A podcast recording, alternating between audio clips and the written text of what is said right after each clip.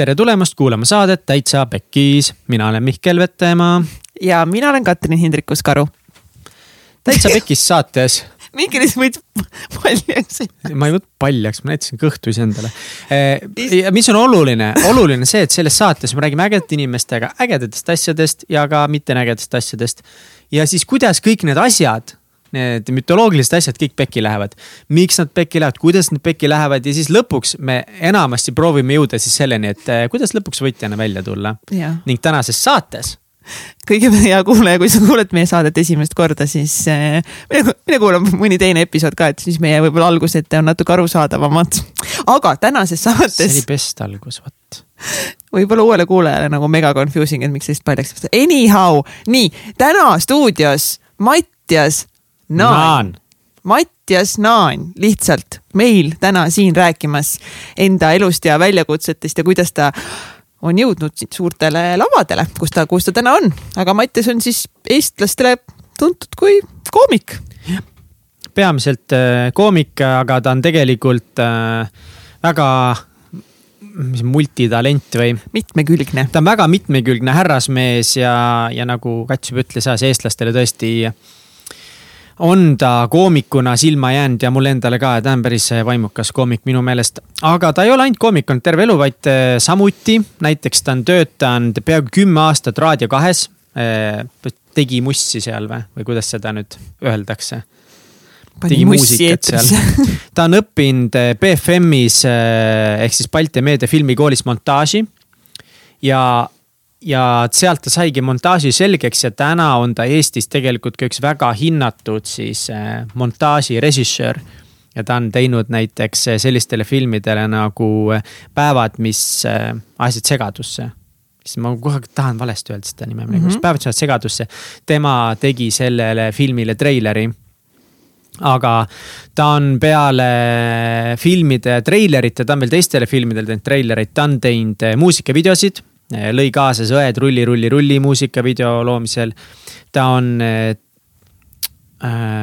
Alo, Alo hakkasin lugema aasta lõppu ja siis lugesin Alo samal ajal, ta on Alo lõppu ta on aasta lõppu show'd teinud Alo tv-s, see oli just äh, nüüd siis eelmine aasta. teinud reklaami review sid, ta on olnud näitleja ta on stsenarist olnud, ta on teinud eriefekte, ta on olnud kujundaja, ta on olnud editor ehk siis äh, kogu see meedia, äh, filmi ja muusikamaailm on talle väga tuttav ning ta on ise veel DJ ka. talle meeldib siis äh, vaiba kloppimist mängida. ei, see on sõna otseselt nagu vaiba klopp, vaip on siis keegi peksab vaipa. ise peksab Mattias yeah. vaipa või? ja siis enda muusika. minu meelest Mattias ütles, et ta vist ei taha öelda, et, et tema kohta öeldakse, et ta on DJ. okei okay,, ta ei ole DJ, aga talle meeldib muusika. jah, vabandust, et ma ütlesin niimoodi anna andeks meile. meil oli temaga ülilõbus episood e, aga peale selle, et me tegime nalja, siis Mattias e, rääkis siiski ka oma mingitest hirmudest, oma väljakutsetest ja, ja küsimustest, millega tema iga päev vastamisi seisab ja kuidas siis e, nendele küsimustele vastused leida. ja, ja me rääkisime päris palju suhetest nii et kõike seda saate ise kuulata. kui see saade teile tundub äge ja inspireerib teid või pani naerma.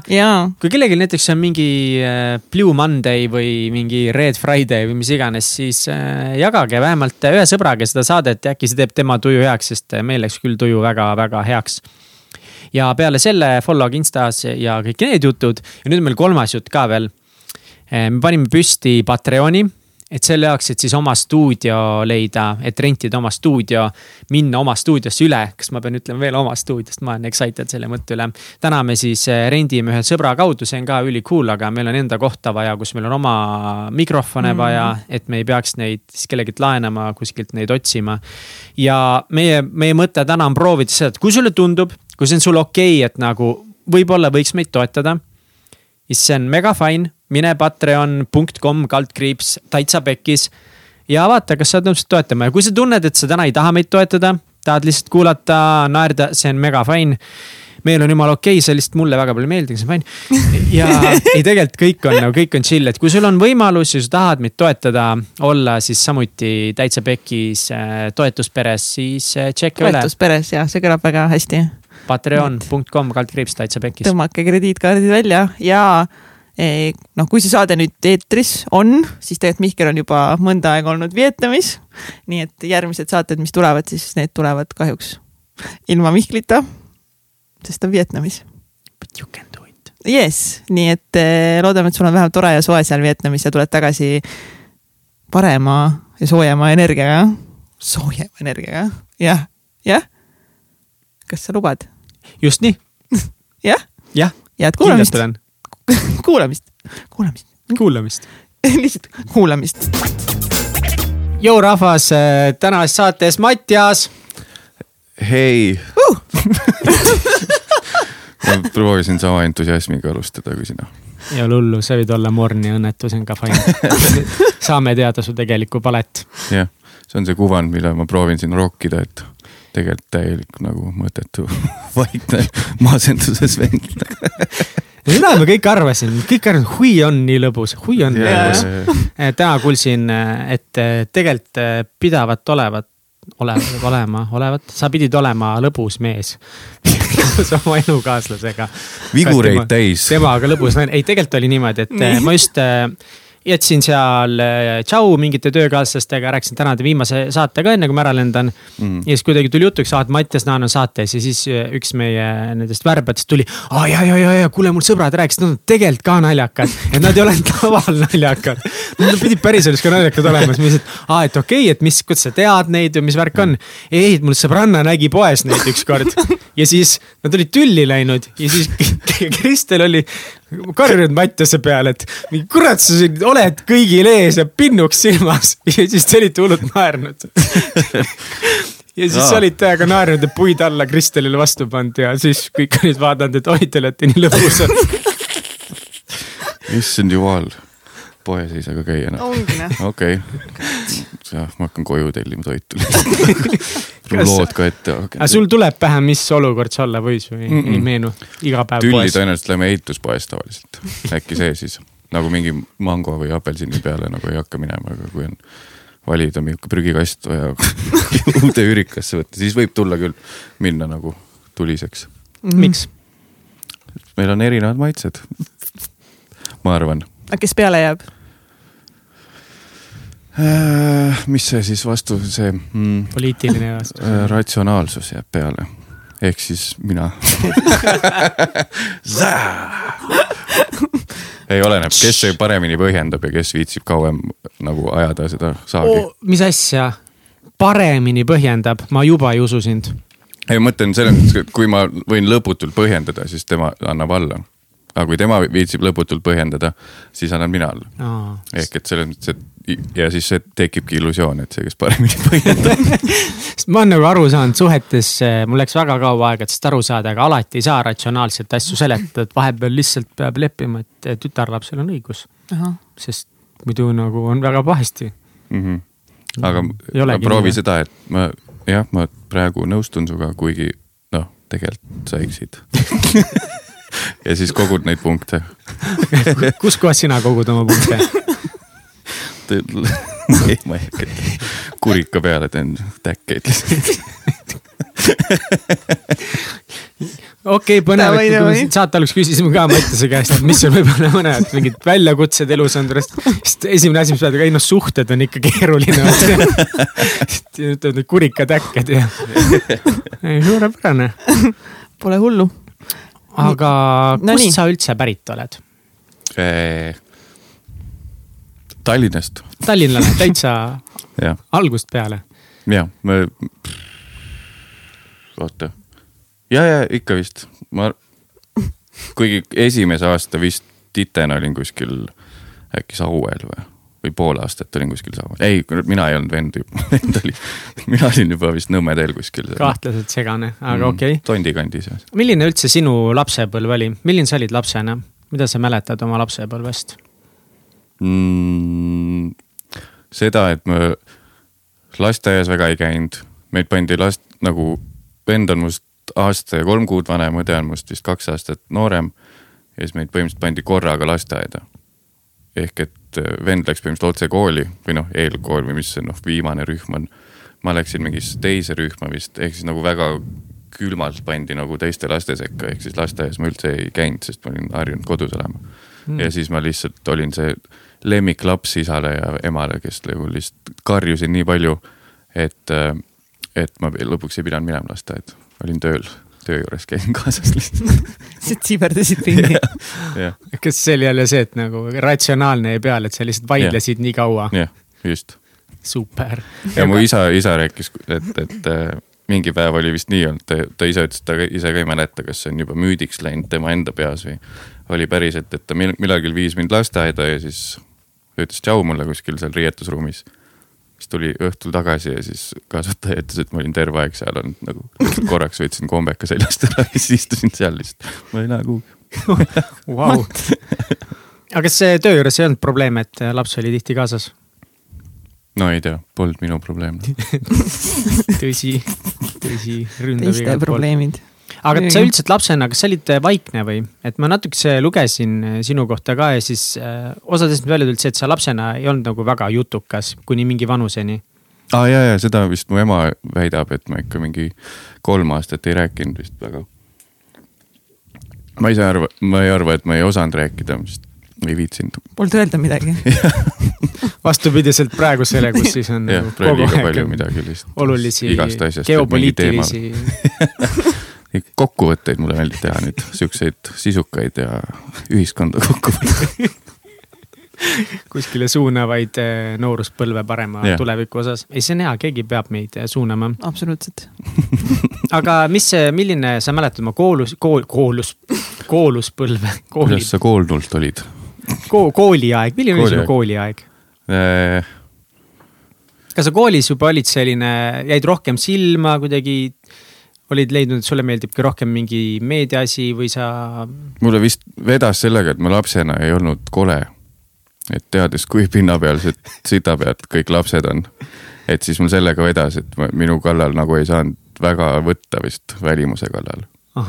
mul oli küll potisoeng, ilgelt suured silmad oma kolba kohta sellel ajal nagu aga kuidagi nii juhtus, et ma juba ma kuis teises-kolmandas klassis juba mingid jutud hakkasid liikuma, et mingile tüdrukule ma meeldin ja et ühesõnaga siis oli nagu väga lihtne olla see neutraalne tüüp, keda ei kiusatud väga, sest et noh, need mingid semipopid tüdrukud klassis, praegu ma reaalselt räägin kümneaastastest tüdrukutest.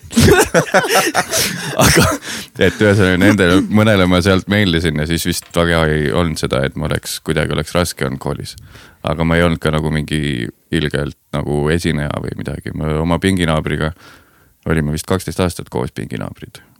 Meelis Mölder, kellega ma praegu absoluut ei suhtle täiesti laiali läinud kuidagi.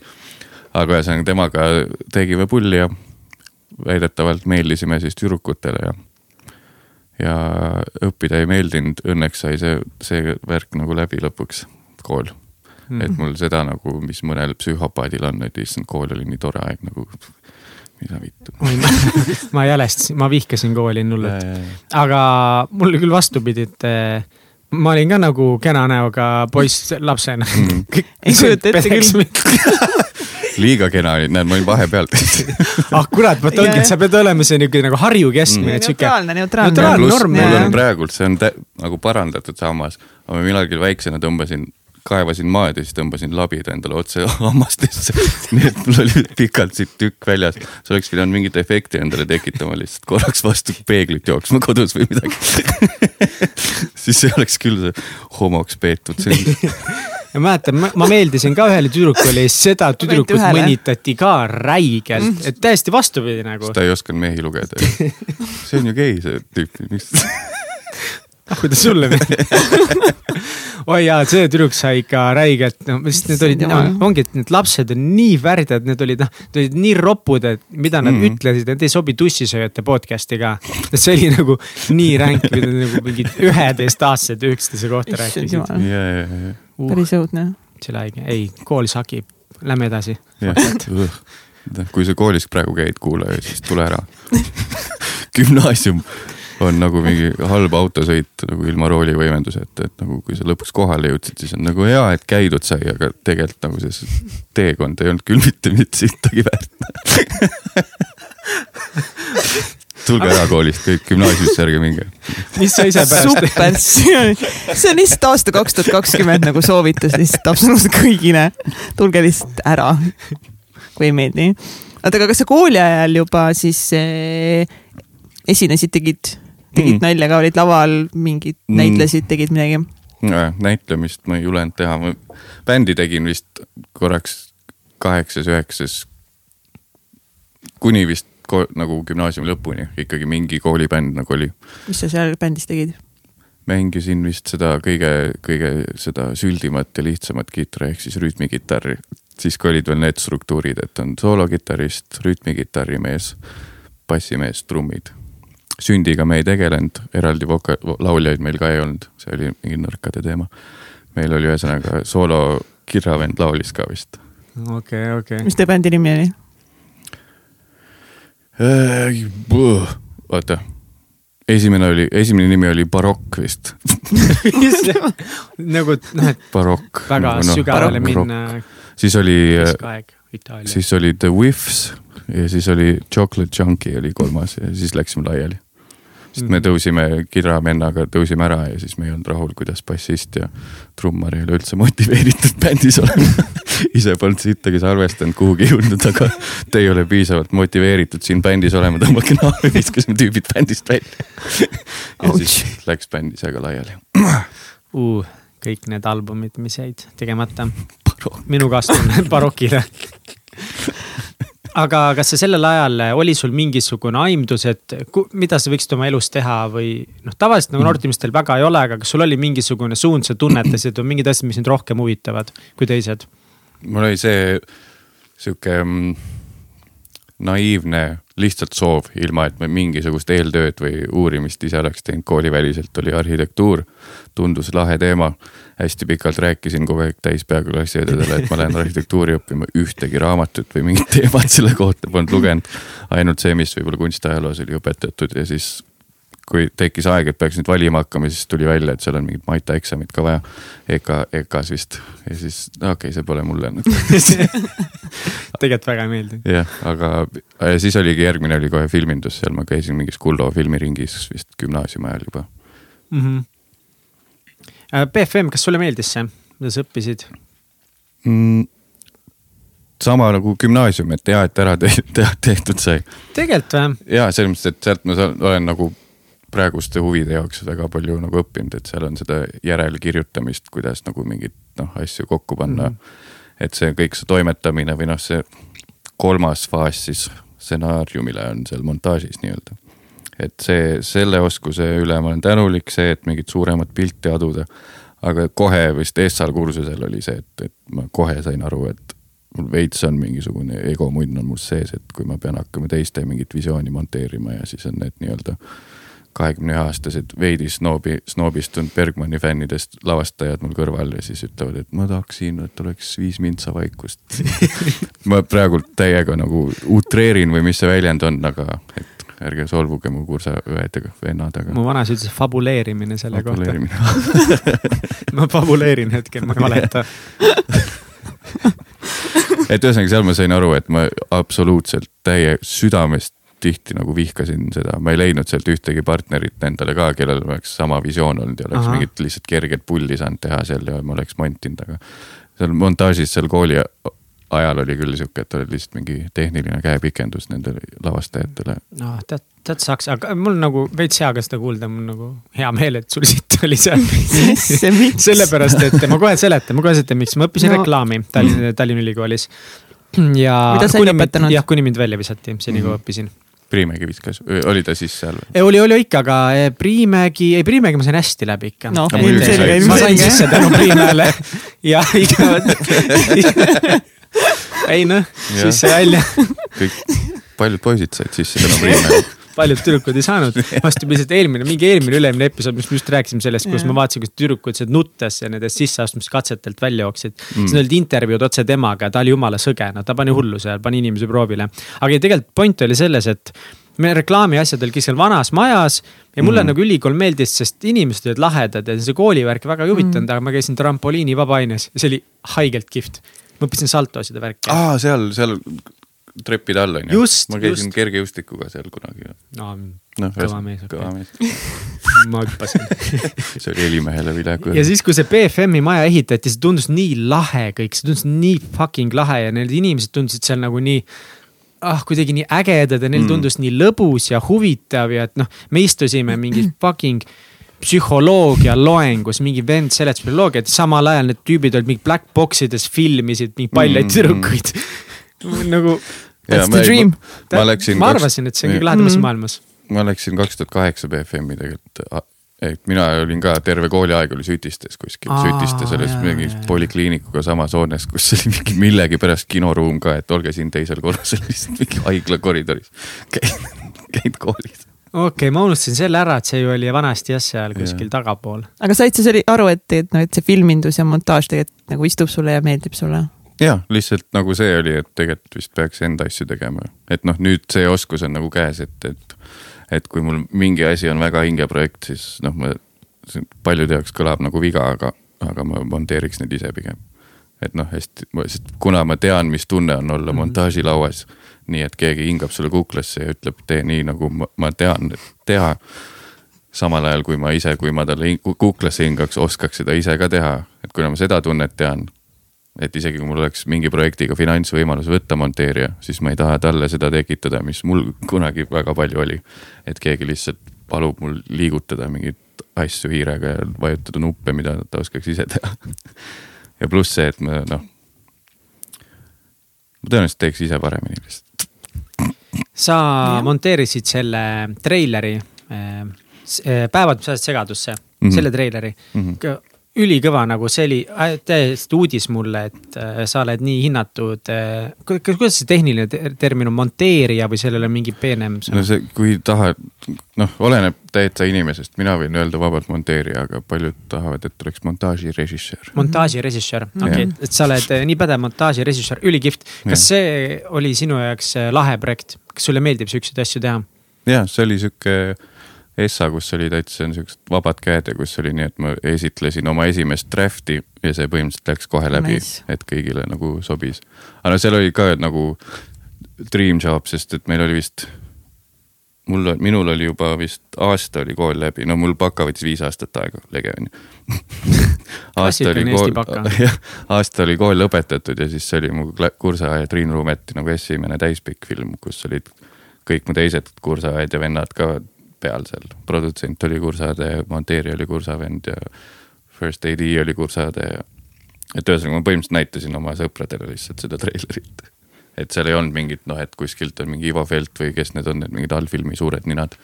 et keegi oleks seal olnud nagu suur ja suure kogemuse ja mingi vanakooli nägemusega inimene juures, vaid lihtsalt oli nagu oma kamp ja läks hästi ja kas see on, kas see on töö, mida sa tahaksid teha rohkem ka või, või ma nagu saan aru, et see ei ole täna sinu igapäevatöö? ei no mingil määral on, ma lihtsalt seda ei, see võib olla ka mu enda mingi müügioskuse puudumine, et ma lihtsalt teen siis, kui küsitakse nagu. kui kellelgi on mm. vaja, siis ma võtan telefoni vastu ja ma noh, kui mingi hullu perioodi ei ole, siis ma ära ei ütle lihtsalt. Ja see on kõik kogu reklaam, mis ma endale teen kui monteerija super, kuulsite kõik praegu jah, Mattias Naan on eh, montaažirežissöör. montaažirežissöör. montaažirežissöör. jätsid meelde jah? Egert ei kuulagi ammu välja ah, soovinud. et. ei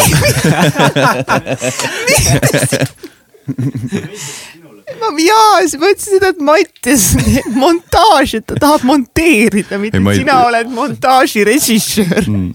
What the heck? et eh, oota, no ikka tasuta nõus tegema, pole hullu, saad aru küll ju saatke jah, ükskõik mis formaadis ja ükskõik mida, tõenäoliselt mul nii meeldib teha. oota, aga enne kui lähme montaaži, lähme mm -hmm. ikkagi veits eh, tagasi. kui mm sa said lõpuks välja sellest pikast eh, autosõidust, kus pole mis see roolivõimu või, mida sa mm nimetasid mm. BFM-iks siis Shout yeah. out to BFM. poole aasta pärast tulevad katsed, kindlasti minge, see kool kindlasti ei tooda üle filmi tootmise erialaga inimesi Eestis niigi väikses kohas, see on nagu veidi. no rääkides tõsiselt, tegelikult seal on see jama minu meelest, ma ei tea, kui tihti nad nüüd võtavad inimesi, aga sul on. no režii peale võtavad üle, üle aasta, aasta, aga muidu, muidu ikka võtavad iga-aastaselt. et seal on veits seesama, mis EKA-s on graafilise disaineriga, disainiga, et nagu lihtsalt pole vaja nii palju neid inimesi, aga noh, ma saan aru, baka ongi sihuke, mis on see hüppelaua haridus, et sealt edasi võid minna lõpuks sotsioloogiasse ka nagu, et seal. või kuskile või mingisse tasuvamasse kohta jah nii, oota, nii. aga eh, nii, eh, kui sinul sai ülikool läbi või ülikooli ajal juba, kas sa käisid kuskil tööl, millega sa tegelesid siis? Üli-, ma juba pärast gümnaasiumil ma läksin Euroopa ja vanemate rahaga käisin, olin aasta aega Taanis, seal oli mingi see rahvaülikool, Folk High School, mis oli ka filmiteemaline, sihuke sissejuhatus filmikunsti kaheksa kuud, kus sai kõike teha alates näitlemisest valgustamiseni ja helirežiini ja. siis ma olin seal, sealt tulin tagasi, siis, siis BFM veel ei võtnud vastu ja siis olin aasta tegin lihtsalt tööd freelancer'ina erinevatele inimestele. ja siis tegin ähm, selle lihtsama otsuse, mis mulle Taanist nagu külge jäi, mis meil heli, heliinimesed ja montaažiinimesed rääkisid, et kui sa jõuad nagu võtteplatsile, siis nagu Euroopas tihti, tihti on see, et nagu et äh, lavastaja tuleb mingi produtsendi autoga platsile ja siis helimehed, valgustajad ja kõik inimesed tulevad oma mingi noh, S-klassi mersudega nagu platsile, see oli see, mis mulle reaalselt heliõppejõud ütles. et nagu suunata rohkem inimesi sellest nagu üldpildist, et mina olen kunstnik, minu visiooni võiks keegi kuidagi siin nüüd ellu viia. suunata siis pigem sinna, et neid tehnilisi inimesi on väga palju vaja tegelikult rohkem, et kui midagi edasi teete, valige mingi tehniline nagu asi, ratsionaalne, jalad maas asi, ära hakka mingiks produtsent, lavastajaks, stsenaristiks on ju ja siis ma selle peale läksingi nii-öelda plaan B peale, et ma ei hakanud, noh, kuigi see on mingi lavastamise asi on kogu aeg kuklas olnud. siis ma ikkagi läksin montaaži, kandideerisin, sest ma olin seal noh, et see konkurss oli väiksem, pidi vähem vaeva nägema. ma juba teadsin asju, Matat ei, ei, seal vist arvutab kõik ette kas sa oskad taani keelt ka? Äh, veidi oskan jah, ma gümnaasiumi ajal käisin mingitel kursustel ja, ja vahepeal olin kaheksa aastat Fääri saartelt pärit naisega koos, ehk siis tema pere teine keel oli taani keel. aga uh. seal me ei viitsinud kumbki nagu kummagi keelt ära õppida. aa, no milleks? sest ma ütlesin reaalselt talle nagu pole mõtet eesti keelt õppida, meid on nii vähe, see on kolm-neli aastat nagu raiskad ära sellest. pluss noh, kui ma ta hiljem maha jätsin, oleks eriti munn lüke olnud see, et nagu õpi mu rahva ajalugu selgeks rahvakeel ka ja siis tõmba näo sellest said aru või? okei, selle juurde me tuleme kindlasti tagasi. temalt me seda ei oodanud ja siis tema ei saanud minult ka oodata, et ma mm -hmm. nagu viiekümne tuhande elanikuga Fääri saare keelt õpp, hakkaks õppima. Aga noh, seal on väike seos taani keelega on seal, et noh, ma oleks võinud taani keelt ära õppida, aga ma lõpuks sinna ei jõudnud. aga sa läksid äh, kaks tuhat kaheksa juba või äh, läksid, kas sa läksid kaks tuhat kaheksa Raadio kahte tööle? saate kaabeljuht, oli see kaks tuhat kaheksa? või seitse, kaks tuhat kaheksa. ja see oli suhteliselt sama aeg siis, kui sa läksid ülikooli ka või? kaks tuhat kaheksa, okei okay aga kuidas sulle see töökoht tuli? ja kas see ja miks just see? seal oli, siis oli vist sihuke Raadio kahe õhtuse vööndi mõõnaaeg sest et vaata, kuidas see oli, nii. Taanis olles ma sain väga heaks sõbraks Karl Marotiga, kes on, praegu on artisti nimi DJ Goatman ja siis tema. miks Goatman? ma ei tea, sokkmees ja siis tema suunas mu sellisele noh, vanema mingi nii-öelda house muusika nagu siis e eestvedaja või alusepanija muusika peale ja siis, kui ma tulin sealt tagasi, siis ma tutvustasin oma vennale palju seda mussi, mis see Karl mulle tutvustas. ja siis mu vend ja ta sõber, kes, kellega ta Ursulat tegi, ühte bändi kunagi oli Ursula mm. -hmm. siis neile pakuti täpselt sellel aastal mingit hommikuprogrammi, et suveks teha. Heidi Purga oli siis Raadio kahe boss pakuti neile mingit hommikuprogrammi teha ja siis nad sattusid juhuslikult vist Raul Saaremetsaga lifti, kui nad üles sõitsid. Ja siis Raul oli näinud, kuidas me, hästi pikk lugu, Raul oli näinud, kuidas me mingi paar nädalat varem olime lihtsalt ühel peol kuskil polümeeri tehases. lasknud iTunes'ist muusikat kõik kolmekesi. Nagu lihtsalt vajutasime play, meil oli playlist olemas, fade'id panime paika iTunes'is, vajutasime play ja siis lihtsalt tantsisime mingit neoonkõhukottidega seal ja kuna seal oli siis paar sellist nii-öelda house muusika klassikat ka sisse sattunud ja Raul Saaremets oli kuskil toanurgas ja kuulas seda kõike pealt. siis ta põhimõtteliselt sealsamas Raadio kahe liftis pakkus neile lihtsalt, kuule, kuulsin teid mängimas, päris lahe oli. kas te saadet ei taha ja me olime võib-olla. How to get korra, the job one on one. ühe korra olime võib-olla noh, avalikult mänginud siis iTunesis muusikat, et kõik nagu DJ oskus või mis iganes, see tuli Raadio kahe lihtsalt otse-eetris õppides nagu, kuidas seda tehnikat no. kasutada. aga kas see ei olnud kuidagi hirmus seda vastu võtta sinu jaoks või mida sa tundsid, mis su peast läbi käis? ei, see oli jumala chill nagu, tundus, et, et äh, mingit nagu alguses ma mäletan küll, et ma ikkagi tahtsin, et kõik oleks perfektne ja kui miks läks halvasti, siis oli õhtu nagu rikutud või kui mingi spiik oli sihuke kokutav või jäi toppama, siis oli veits halb olla. aga seal lõpuks see töö oli ikkagi nii lihtsalt sihuke või noh, taustakas ikkagi tegelikult et me ei teinud nagu jutusaadet, me lihtsalt lasime mussi, ütlesime, et nüüd on see lugu, see on sellepärast põnev, et mulle see label meeldib, siit on lugu nüüd aga ah, see on päris huvitav, mis sa ütlesid, et, et sa proovisid nagu perfektselt kõike alguses teha mm. -hmm. ja, et aga kui palju see siis nagu mõjutas, et sul oli nagu õhtu oli reaalselt sitt selle pärast või, et kas sa tundsid ennast kuidagi süüdi või mm -hmm. kuidas sa nagu läbi elasid siukseid? ma seda nii hästi ei mäleta, ma pigem praegult tunnen ennast süüdi sellepärast, kui olu-, kui üle ma reageerisin võib-olla. mingi Essa saade mul on siiamaani meeles, kus me vist panime ühesõnaga mingi mussi mängima, siis pidime viimase loo panema või mingi esi-, ei, vastupidi. esimesest loost teise loosse üleminek vist. rääkisime mingi loba ära, kõik jumala närvis, kuigi salvestasime ette, kõik jumala närvis. ja siis, ja siis mingisuguse Essa loo esimene lugu jäi vist alla veel mängima, kui teine lugu peale tuli, on ju. ja siis oli mingi sihuke Soundcelli, siis ma mäletan, kuidas ma läksin nii kettasse, näitasin vennale, kes oli seal puldi juures nagu hei, Balti. ja siis vend oli ka nii, et issand jumal, pane rahune maha et nagu, aga see tuli mul hiljem alles meelde, sest mu vend vist meenutas seda, et ma alguses ikka olin väga sihuke veits nagu krampis, et kõik võiks olla hästi. kuigi me jah, esimest pool aastat minu meelest salvestasime ette seda. kas see on pigem see, et äh, no ütleme, et nagu äh, me lendame siin nii seinast seina mm -hmm. tegelikult. kui ma lugesin ka veits nagu sinu seda äh, biod, et nagu sa oled nii palju erinevates valdkondades nagu paralleelselt veits nagu jooksnud mm. -hmm. et seda on raske kõike capture ida, nii et äh, kuradi otsige ise üles saade läbi aga kuhu ma tahtsin jõuda sellega on see, et ka, et sa täna koomikuna minu silmis sa oled pigem selline, et sa oled sihuke laid back vend, et sa oled sihuke sadl, et sa tuled nagu rahulikult sisse, vana rahu.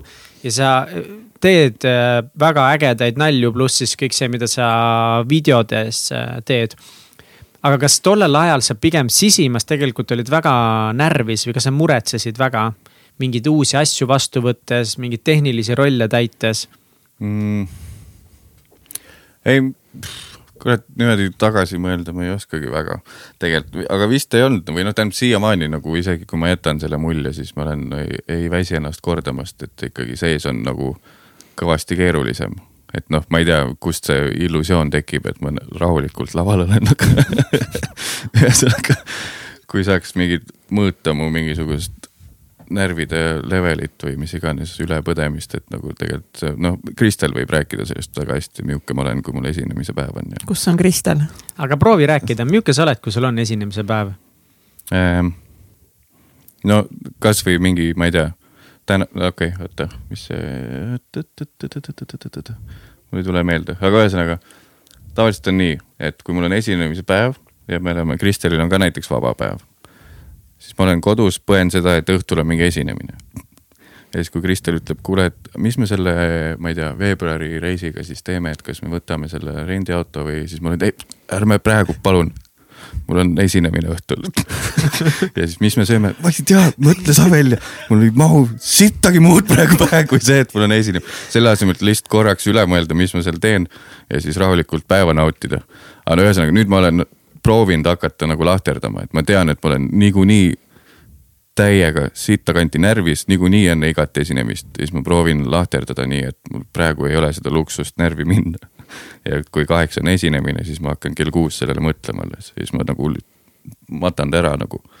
ja siis ta on kõvasti kompaktsem, raiskan vähem aega nagu, sest noh, muidu on esimestel aastatel oli ikkagi noh, kaks-kolm kuni nädal nagu oli perses lihtsalt, kogu aeg on kuklas see, et varsti on vist vaja minna lavale aga mis sa arvad, Katjas, aga mis sa arvad, miks sa oled nii närvis või miks sa olid tol hetkel nüüd rohkem närvis, nüüd sa oled nagu osanud seda paremini kontrollida, aga millest see võib tulla? mm.? et mul on en-, mul on endal mingi teooria on, et äkki see on sel-, no kindlasti sellest, et ma mingi kartus, et kui välja ei tule, vaata. selles osas stand-up on parim lahendus sellele minu kartusele, on ju kohe näed ka, kui ei tulnud välja. draamas oleks nii, et noh, mõelge kodus, mis te tundsite mm. -hmm. aga seal on, kui naeru ei ole, siis noh ei toiminud et lihtsalt see, mis inimesed must arvavad, see on siiamaani mul iga asja kohta, kui ma mingi riideeseme ostan, mis on liiga flash'i või Kristel tahab mulle midagi osta, mis on sihuke. Pau-pau, mingi firmakas või midagi, siis ma ütlen ka, et ma ei taha, et ma nagu see tüüp oleks või noh, ma ei taha, et inimestel jääks mulje, et ma olen see tüüp. mis, milline see on see tüüp? no see, kes mind firma riideid kannab ma thank god, mul praegu mingit logo siin ei ole, ma oleks nii vastu. mütsi peal on küll mingi logo. see on mingi, see ei ole mingi päris bränd, see on mängu, see on mänguvärk. see on pohhui nii, aga ma ikka nagu tahan no, sedasama. et ühesõnaga, ma olen, mul tuli mingi asi meelde, et ma väiksena mm, -hmm. Siis kui ma lasteaias ei tahtnud käia, onju siis ma mäletan, mul oli mingi šokk on mul meelde jäänud sellest, et me pidime tähestikku kirjutama siin abijoonega vihikusse, et noh, A, B, Ä ja, ja siis sellel päeval pidime vist neid, mis on täishäälikud, ei ju, ei mm, -hmm. ei mm, -hmm. neid vist on ju. Mhm. ja siis ma hakkasin ä-d kirjutama, ä, väike ä ja siis kirjutasin ä, väike ä väike ja siis jäin äh, äh, panin põhimõtteliselt terve lehe täis, sest ma olin nii krampis või omas mõtetes ja siis, siis kui ma aru sain, et ma olin valesti teinud, siis minu meelest mingi pinginaaber või keegi nagu hakkas naerma ja siis õpe-, kasvataja veel nägi. ja siis, et oo oh, issand ja siis ma nagu läksin täiesti, täiesti šokki sellest, ma olin, mäletan mingi mälupilt on sellest, et ma olin kuskil riietusruumi jälle riietusruumis kuskil üksi ja see vihik oli käes ja siis isa oli järgi tulnud, et nagu Mattias kirjutas kõik selle hää ja siis ta nagu umbes ka lost it nagu umbes. et äkki mingist sellest, et äkki kuskil noh, see on muidugi tagantjärgi mingi juurdemõtlemine mm -hmm. ja mhm. võib-olla üle, üle analüüsimine, et äkki kuskil on nagu olnud see näpuga näitamine ja naermine, vaata mm, -hmm. mis nagu filmides on see, et miks kellestki psühhopaat sai ei no targad inimesed räägivad, et kõik need asjad kuskilt lapsepõlvest meil nagu pärit on, et mm.. et ju siis seal mingid traumad on tulnud. jah. aga kuidas sa sellega, oled sa nagu siis, et sa nüüd mainisid, et sa oled proovinud seda lahterdada, aga oled sa kunagi proovinud süstemaatiliselt kuidagi töötada sellega, mõelda, et mis sind nagu nii närvi ajab, et, et mis need mm, -hmm. mida, miks see siis nagu halb on, mida keegi sinust arvab? miks sa muretsed mm -hmm. selle pärast, mida keegi sinust arvab? seal on kaks otsa on selles osas, et see on hästi ebamugav, aga ma tean, et ilma selleta poleks enam see, mis ta praegu on, ehk et ma olen juba võtnud selle pigem omaks, et see käib asja juurde. et see teeb minust minu nii-öelda. ja noh, aitab see ka, kui nagu kuuled, et teistel noh, kasvõi välismaalt mingid, noh, et see kogu see anxiety teema ja see on nagu väga popp ja aina levima hakanud teema, millest inimesed avalikult räägivad rohkem. et eh, kui noh, mingid inimesed, keda, keda ma nagu hindan ja austan, kes on ka ütleme samas tööstuses kuskil välismaal, näiteks Bill Hader, et tema on rääkinud, et tal on täpselt samamoodi, et lihtsalt peab füüsiliselt ennast kuidagi maha rahustama ja teab, et sellest lahti ei saa, kui on mingi live element juures asjal, et noh. et siis lihtsalt kahjuks mul on nii nagu, et kui ma kuskilt mingi zen'i leiaks ja nagu äh, kõik on cool nagu oh, tuleb, mis tuleb, siis ma arvan, siis oleks. selle teravuse. siis ma peaks tõenäoliselt alustama nullist selle stand-up'i osaga, et mis mul siis see hääl siis oleks nagu. aga kui sa lavale astud, kas siis kaob ära see hirm? jaa, korraks küll nagu, aga siis tuleb jälle tagasi, kui naeru ei tule kui tihti on siis? kogu aeg nagu? jah, täpselt kogu aeg. ei ole. noh. aga toon korraks endale ühe nikotiinipadja super, ma tahan vett juurde. sa jood nii palju vett, Mihkel? et pissile minna pärast. okei okay.. ma, mind jäeti lihtsalt üksinda siia laua äärde, põhimõtteliselt ma võin oma stand-up eh, siin püsti panna vahepeal. aga ma tahtsin tegelikult Mattiase käest uurida, kui seda, et kui palju nagu päriselt nagu laval nagu noh, ikka päriselt pekki läinud, et nagu sa tunnedki, et nagu oh fuck, et noh, nüüd vist nagu on natuke pahasti. ikka, ikka on läinud küll piisavalt äh,. mingid esimesed esimene kord läks hästi, sest siis mul oli mingi šokielement, ma olin mingi vuntsidega tüüp, kes tegin seal Comedy Estonias inglise keeles ja siis vuntsidega tüüp, kes lihtsalt ühesõnaga mingeid väga räigeid asju rääkisin ja siis kõik ehmatasid ja naersid sellest okei okay.. ja siis äh, teine, teine, kolmas, neljas ja viies läksid ikkagi suht halvasti, sest siis nagu inimesed olid ära harjunud sellega juba, et noh, et aa, see on see vuntsiga. aga kas seal Comedy Clubis siis esinedes? Comedy Estonia oma, see mm -hmm. Möku kuskil Tartus ja no Nokku oli ka vist Tallinnas. Mis üritus see oli, kas see oli mingi open, open mic? jah. Ja, ja põhimõtteliselt seal oli nii, et äh, jah, ühesõnaga siis, kui, siis ma sain nagu aru, et äh, või noh, tagantjärgi sain aru, et, et mul oligi see šoki peale mängimine pigem esimestes settides. mitte, et mul mingi reaalne nali seal oleks olnud. Vaid lihtsalt kui mingi vuntsiga tüüp räägib mingisugusest, ma ei tea, pussitamisest, siis nagu on nagu lols alguses aga siis sain aru, et aa, mingi sisu võiks ka olla asjal ja siis edaspidi on mingisugused eraesinemised olnud, kus, mis on nagu kõige raskemad, sest seal on noh, kui sa noh, on mingi autotöökoja pidu ja sa ei tee autotöökojast nalju, siis nagu üldiselt ei lähe peale väga. noh, mulle on jäänud mulje vähemalt. kas see, see oli praegu metafoor või sa oledki käinud autotöökojas tegemas? Ei ole õnneks. aga kas sul tuleb, eh, ma olen nagu äh, ise, mulle hullult meeldib eh, Tussisööte podcast ja mm. Ari-Mati ja Miikal Meemaa. ja nad mm. rääkisid ka ühes saates just äh, ka, et noh, need erakeikad on ikka väga rängad. tuleb sul endal meelde mõni väga raske eraüritus? mingi aastavahetus oli Umamis oli, Umami on see mingi resto, mis maha võeti just hiljuti on ju, siin kuskil lähedal seal oli mingi lihtsalt sihuke, polnud isegi ettevõttepidu, vaid oli lihtsalt, restoran oli korraldanud siis aastavahetuse, et saate osta laua. see on kõige hullem, sest keegi ei ostnud lauda selleks, et stand-up'i tulla kuulama. pluss neid ei ühenda mitte miski, nad on kõik võõrad seal, võib-olla noh, kaks inimest, üle kahe inimese on tuttavad. siis mingi no umbes mikker ei tööta, lava ei ole. oled kuskil, noh, siin oli toidulaud, pikk niimoodi läks siit viis meetrit edasi, rahvas oli seal ja siis siin, kus ma praegu olen mikriga, anti mulle mikker kätte, siis ma seisan seal vastu seina lihtsalt. toidulaua ees. toidulaua ees ja räägin oh. lihtsalt asju. Kaarel on kuskil seal ja lihtsalt vaatab niimoodi pealt, et oh persse, ma pean edasi pärast nagu Mattiast peale minema ja siis mingi hetk vaatasin Kaarlile otsa lihtsalt ja siis lõpetasin mingi biti ära isegi, jätsin mingid asjad pooleli lihtsalt lõpetasin ära, jätsin mingi lõigu vahelt ära, ütlesin lõpulause ja, ja nüüd Kaarel Nõmmik ja siis jätsin ta sinna aga mis sellisel hetkel su peast nagu läbi käib, et, et kas, kas see paneb sind nagu mõtlema, et fuck, et miks ma üldse seda teen või sa pigem tol hetkel oled rohkem, et ah, et see konkreetne keika on ikka pask? No tegelikult on see, et eh, veits kindlasti läheb hinge, et ideaalis võiks ju igas, igas ruumis saada hakkama. ja olla niivõrd people person, et näha ära, kes kus on ja mis värk on ja võiks olla nagu tohhu ja lihtsalt materjali või kasvõi osata puusalt nagu ehitada või. aga ma ikkagi olen pigem sihuke kirjutaja tüüp, et no ma tean, et Harimati on väga tugev impromees ja, aga ma teen ikkagi minimaalselt seda. aga see on ka muidugi kogemuse ja lahtilaskmise asi, et sa peadki nagu enda iseennast kiusama, noh, mida Harimati teeb väga hästi, et, et ta lihtsalt ütleb, noh, mine lihtsalt aga kui me juba räägime stand-up'ist, kuidas no, sa üldse jõudsid selleni mm,? ei, see mingi pisik kuskil ikka oli kogu aeg see esinemise asi, kasvõi see bändi asi, et noh.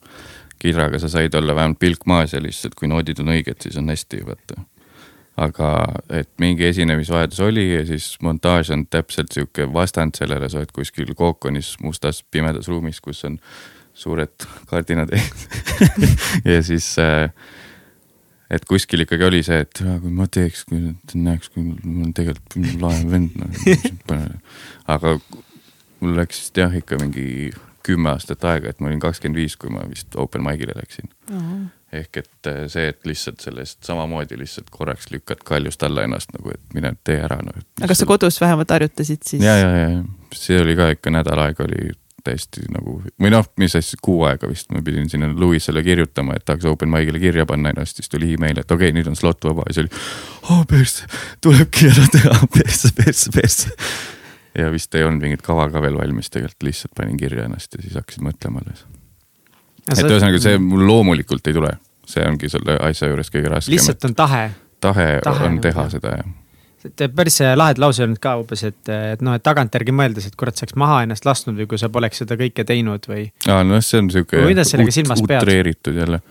et no ma ei, lihtsalt väga ei kujuta ette, et ma praegu oleks sihuke noh, et oleks näiteks läinud tööle kuhugi mingis, no kasvõi ERR-i või mis iganes telesse kuskile monteerijaks, kus on tegelikult okeid palgad.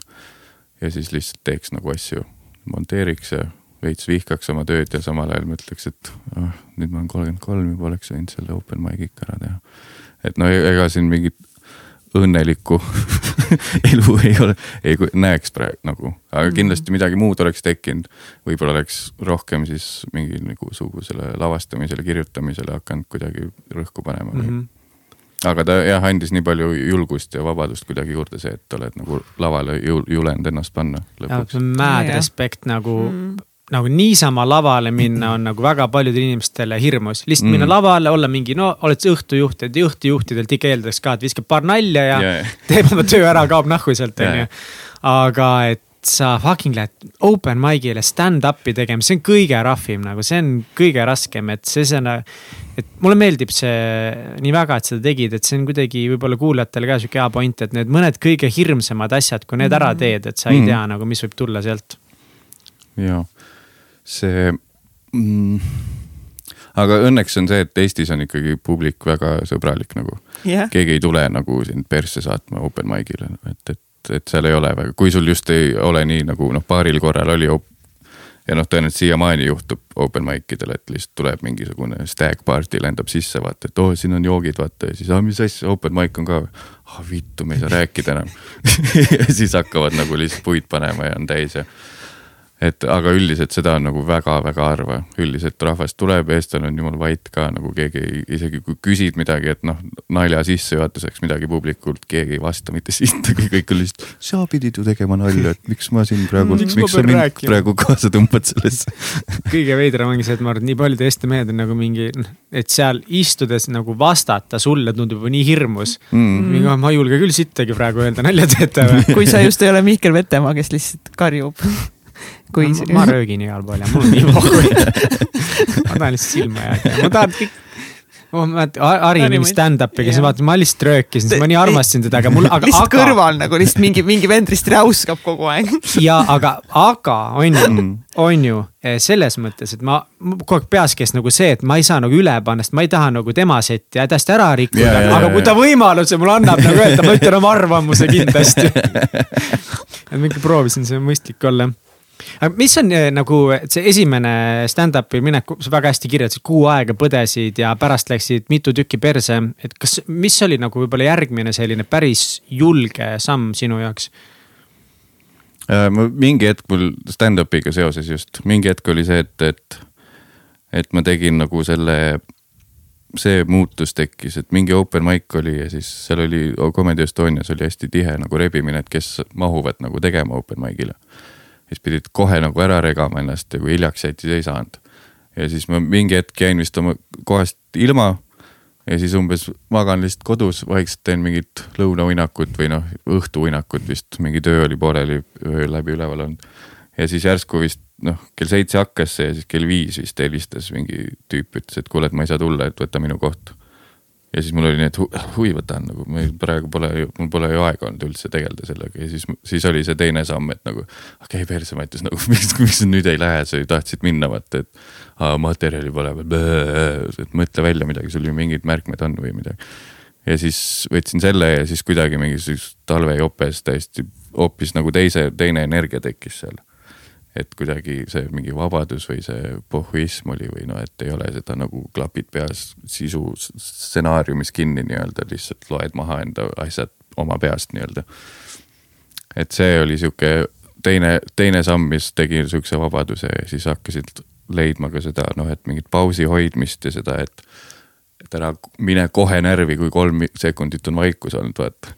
et lihtsalt see, et rahvas, nad ootavad, nemad ootavad sinu järgi nagu ma mäletan, kui meil esimestel episoodil hooajal nagu mingi noh, vaikus tekkis korraks mm. -hmm. sekundiks, keegi praegu ei räägi otse kuulel yeah. kõrva sisse, see midagi siit saade, siit saade. on läbi mm. -hmm. Oh, ja tegelikult nagu siiamaani isegi on nagu need vaikushetked, ma nüüd ma nagu saan aru, ma ise tean, et see on nagu fine. aga nüüd mm. ma põen nagu teiste pärast, et, et kas nüüd äkki noh, sinu puhul ma ei põe seda, on ju, aga kui meil on mingi teine, okei okay,, tema nüüd mõtleb, et ta mm. peab kohe midagi ütlema nagu, et.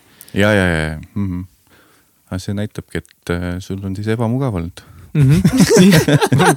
mul oli väga ebamugav ja, ja.. super ja kuidas sa jõudsid äh, open mic idelt lõpuks nagu Eesti suurimatele lavadele?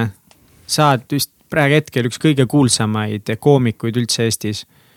ei usu, ma praegu on ikka, praegu on Harri-Mati on Nublu ikka nii-öelda. okei okay,, no Harri-Mati on stand-up koomik mm, -hmm. mis on nagu mulle hullult meeldiv, aga see on pigem sihuke nišš, aga ma arvan, et eestlased suhestuvad sinuga rohkem kui lihtsalt koomikuna mm. -hmm. sest sa teed väga palju erinevaid asju, sa oled no need videod, kõik, mis te mm. Tiraniga teete, need on ebareaalselt jaburad ja naljakad. et selles mõttes, ei, ma arvan, et Kats, kas ta on Eesti üks kuulsamaid koomikuid? ei, kindlalt, kindel ja nagu no,. otsustasime ära no,. jah, nii on mis, mis sa viisid sinna, kuidas nagu, kuidas sa jõudsid sinna mm.? no oota seal, aa, mul vist on, tegelikult on isegi olemas neli astet, mul täitsa kohe öelda. esimene oli see Drake'i Vine või mis iganes, used to klipp. see läks nii-öelda noh, praegu öeldes TikTok läks vairaliks, noh, on ju, see aitas kaasa kõvasti siis oli see, et ma hakkasin Kristeliga date ima sealt tuli mingi kolm kilo follower'e kohe juurde. päriselt ka või ja siis ma tegin selle, siis tegin uh. selle Eesti filmi teleauhindadel tegin seda mingit operaatori sketši mm. -hmm. ja, ja siis see aitas ja siis pärast seda Radar tegi must mingi segmendi Radari saade, mis kunagi oli mm. -hmm. ja siis seal, sealt nagu tekkis ka mingi asi ja pärast seda läks nagu, aa ja siis. oota, kus, kus see, ei, Pärnumaa randa mahub ka veel kuhugi vahele. see oli vist siis pärast Kristelit ja enne seda teleauhindu. et ta ikkagi nagu lihtsalt teed mingit pulli kodus, et oh, teeks mingi laheda asja, mingi mõte on, teed selle ära. ja siis on läinud kuidagi käima ja siis äh, ja ma rohkem nagu, nagu teadlikult ma ei ole tööd teinud selle nimel, et mul nüüd oleks vaja see teha ja siis minna jõuda sinna ja siis oleks see level vaja saavutada ja siis peaks kindlasti mingi seriaali saama ja. et lihtsalt kuidagi nii-öelda see, mis tuleb, see on läinud õnneks kuidagi käima. ja noh, tagantjärgi nüüd proovida midagi teha popi, siis on, keeruline on. sest seal on kohe nagu sihuke enda jaoks on kohe sihuke pingutus maitse juures, et nagu I m still relevant Kats, kas me no. lähme siit äh, no. suhete juurde või no me nii, läheme asjade juurde, mida ta kahetseb? suhted. see, see nagu puudutab yeah, kõiki yeah., nagu see on nagu nii suur meie kõigi elu osa mm. -hmm. ma, ma pean küsima või? mida, mis asja, mikrisse pean rääkima või? vabandust, meil on reaalselt vaja, meil on vaja drooniga mikreid, mis mm. tuvastab näo või kolmsada kuuskümmend mikker, et sa oled nagu rõnga sees niimoodi um, sa olid kaheksa aastat Fääri neiuga koos mm. -hmm. miks see suhe lõppes um.? Hmm seal oli tead isegi sihuke, no ise vist olin sihuke kuidagi paika loksunud sinna suhtesse, et see oli valedel põhjustel vist hakkas ja siis olen nii viisakas tüüp ja. kas tal oli ka Instagram siis või?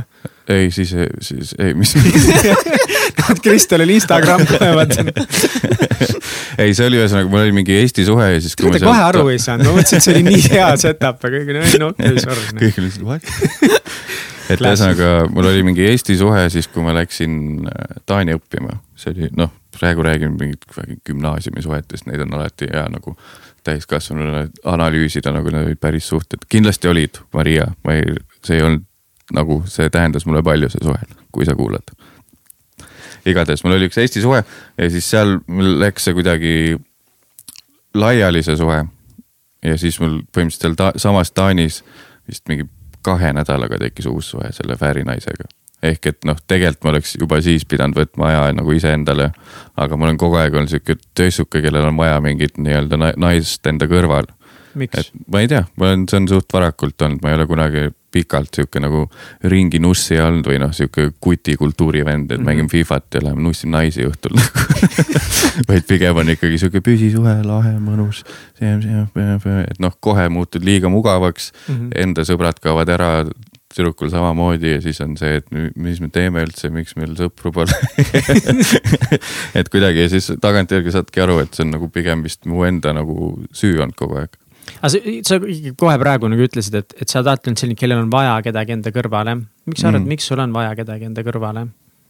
ma ei tea, iga, igav on muidu või noh, tähendab see, see noh, see ei ole ka see, et mis ma vea ma võib-olla varem tegin, oligi see, et see ei pea olema nii-öelda sada protsenti see õige inimene võib-olla. tagantjärgi on hästi lihtne analüüsida, sellel hetkel see väärisuhe tundus ka õige nagu, aga lihtsalt mingi hetk nagu midagi, mingi klõps käis nägin mingit, ma ei tea, teist naist, mõtlesin, miks ma siin suhtes olen, ma muidu saaksin sealt praegult teha nagu flirtida värki. ja siis seal lihtsalt aju jooksis kokku ja siis lihtsalt isegi mingi eriti lolli mingi Skype'i kõnega jätsin ta maha, ta oli kuskil Fääri saartel ma ei tea, miks ma sellest praegu fucking avalikult räägin, aga igatahes olen olnud, olen olnud munn mees ja mitmeid suhteid telefoni või Skype'iga lõpetanud, et äh, Kristel, hoia alt näost, näost näkku on hirmuäratav. mul on, mul pole iseloomu, nad räägiks mu kohe ümber nagu. see on, aa jaa, ma eksin vist jah, pole vaja laiali minna, davai, jätkame mis oli kõige raskem selle suhte juures? kaheksa aastat päris pikalt kestis mm, -hmm. aga et, et nagu selles mõttes, et nagu mitte, et see suhe ise oleks pidanud raske olema, aga võib-olla noh, et mis nagu tol hetkel võib-olla oli sulle mm. keeruline, mida sa tagantjärgi nüüd võtad kui õppetunnina mm.? No seal oli see ka, et mul oli tegelikult see, et ma projitseerisin enda, iseenda puudujäägid enda ees pro,, projitseerisin suhtele, et tänu suhtele ma olen mingi, tegelen montaažiga ja mis mulle ei meeldi tänu suhtele, mul on see, tänu suhtele ma ei käi umbes väljas, tänu suhtele ma ei noh, tee seda, mis ma armastan, sest et see hoiab mind kinni, see suhe, noh, kõik need illusioonid.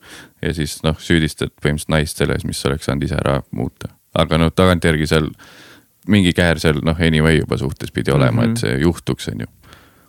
ja noh, veidi kindlasti kasvasime lahku ka, ta oli must veidi vist neli aastat vanem vist minust ka. et tema juba nagu noh, mõtles mingi pereasjade peale ja mina veel olin seal, et kuule, elu on pull ja põletaks elu veits ja paneks pidu ja pohhui need lapsed veel ja ja noh, see ka, et kuklas on ikkagi see, et mul ei olnud nagu seda nii-öelda, mis see sõna on, sarvede mahajäämisperioodi ka. sest noh, kohe, kui mul mingisugune seksuaalelu algas, siis ma olin kohe suhtes nagu sellesama mm -hmm. naisega, kellele ma süütuse kaotasin nagu.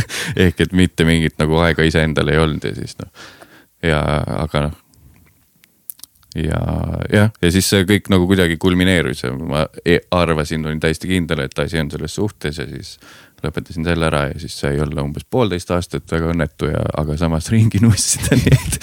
ja siis see, no ühesõnaga see bala, balanss ei ole jätkusuutlik üldse, et mm -hmm. nagu oleks ma nagu nautinud seda mingit vabadust ja noh, mingisuguseid lühisuhteid ja date imist ja sellist asja, mis nagu nii-öelda, mis on siis noh filmides on need nii-öelda party boy'd, kes on edukad karjääriga ja date ivad ja suhet ei taha, et oleks see mulle mentaalselt kergemalt mõjunud siis ma oleks võib-olla siiamaani vallaline, aga. no kuidas see mõjus sulle mentaalselt? ikkagi, ikkagi õnnetu noh. mingisuguse naise vead koju ja siis ma mäletan ükskord, muidugi mõnusalt joonud ka, aga noh oled veanud naise koju ja siis need täiskasvanu asjad ära teinud, hommikul ärkan üles ja lihtsalt hakkad mingi võhivõõra naise kaisust tönnima siis kus ma, kõik on korras, kõik on korras. ehk siis, siis said nagu aru, et pole vist päris mulle see, et kuskil on mingi auk. mille peale sa hakkasid nutma? ei, kõik see noh, noh mingid süümekad selle, sest see kaheksa aastat oli just läbi saanud mm -hmm. ikka nagu armastad seda inimest teise, teise punkti pealt, noh, ega ennast ka väga ei austa selle pealt, kuidas see lõppes ja mm. -hmm. ja noh, see Fääri tüdruk, eh, no me tegelikult pole siiamaani suhelnud, et noh, tal, tema oli väga konkreetne selles osas, et. Eh, ma ei, et tema ei ole elu sees nagu eksidega suhelnud, suhtlema jäänud, et nüüd on lihtsalt noh, cool kõik, isegi ta vend unfriend'is mind Facebookis oh no kogu pere lihtsalt. kõik need pildid, mis ta põletas ära. väga halb. see, mm, ma olen eh, sama teinud suhtes just ähm,. nutnud? nut-, mitte, mitte, ma olen kindlasti nutnud, aga ma lihtsalt juhtunud olema samal ajal suhtes ja ma olen nutnud. aga ma olen nutnud mitte suhte üle, vaid ma olen nutnud mingi muude asjade üle. Come again et suhtes, suhtes olles oled nutnud jah? jah, sest sa küsid, kas. aa, okei, okei. aga eh, mis ma tahtsin öelda, on see, et just eh, see, et eh, mingid asjad, mida meil elus ei juhtu, mis me tahame, et juhtuksid, need ei juhtu mm. -hmm. ja kes on süüdi, aga see suhe on piirav mm, -hmm. naine ei tee nii. ma ju tegelikult ei saaks minna mm, -hmm. sest siis tuleb ju see, see probleem mul oli hästi pikalt oli kuskil kogu aeg see samamoodi ja, ja tegelikult see noh, see nõuab seda tegelemist ja see nõuabki mm. seda, et sa pead tegelikult ise, sa pead ette mõtlema, sa pead plaane tegema mm.. sa pead kaasama teist inimest väga palju, kõik on võimalik tegelikult. jah, kui sul nagu veab, sest seda on ka palju, et kui suhtes on ühel inimesel tekib kannapööre. ja teinel on, teisel on nii, et kõik oli fucking imeline ju mm.. mis nüüd hakkad mingit asja taga ajama noh. ja siis, kui sealt tuge ei tule, siis on ka noh teistmoodi hoiab kinni. kas sa oled seda kogenud? Nojah, seda ma olen kõrvalt näinud lihtsalt mm, -hmm. aga jah, need kannapöörde inimesed mul absoluutselt ei meeldi need mulle ma ei saa aru lihtsalt, ma saan aru, okei okay,. Kõik... kogu meie saate põhimõte no okei okay,, nii, aga mu point on see, need, kes on kuradi kannapöörde teinud elus, ma ei. nii, väga põnev teema. Fucking ketast, ma olen lihtsalt nii lähedalt seda näinud, et kui pikalt sa mingi idi, idikas olid siis noh, et kui sa mingi kuradi kahekümne seitsme aastaselt teed kannapöörde nagu ja sa ütled, aa ma pean vist sinna kõndima onju, lähed lä-lä-lä-lä-lä, siis oled kakskümmend seitse aastat kõnnid, aa persse! Hoop, sada kaheksakümmend kraadi teisel poole pidi minema. Ja siis, ja siis mõtled, miks keegi sinuga kaasa ei tule nagu, aa nüüd ma olen see esoteeria ja India nagu käib. Uh, aga kas sa ei usu uh. nagu sellesse, et, et mõned inimesed äh, teevad väga palju sitta valikuid noorena ühel mm -hmm. või teisel põhjusel, sest nad on, enamasti see on hirm mm. -hmm. ja see on, no ongi hirm, see peab mm -hmm. alati see mingi hirm millegi ees ja kui sa lõpuks suudad selle hirmule vastu astuda, siis sa tegelikult julged minna selles suunas, kus tegelikult tahad. jah, aga, aga seda saab kõike sujuvalt teha seda saab sujuvalt teha, seda saab kaarega teha, sa ei pea kannapööret tegema lihtsalt vaikselt võtad niimoodi suure kaare sulle pigem see meeldib need, kes kuulutavad sellel kogu jaa, sest yeah. põhiline on see, et nagu keegi võtab mingi, ma ei tea elu sees pole koera olnud, võtab koera endale, siis on järsku koera inimene. ja on koera suursaadik ja noh, koera inimeste ambassador. et lihtsalt see, et sa võtad kohe selle rolli nagu, ma saan aru, ma räägin täiesti vastu endale. pärast esimest viite open mic'i ma hakkasin ka vaikselt ütlema, no ma tegelikult olen koomik ehk et ma, ma saan aru, ma räägin vastu endale, aga, aga lihtsalt jah, kõike saab sujuvamalt teha, need, kes nagu on, nüüd on nii nüüd ma umbes enam ei joo, värki-särki, nüüd ma olen see ja nüüd ma hakkan käima mingites kuradi, ma ei tea, mis kuradi kursustel või avanemis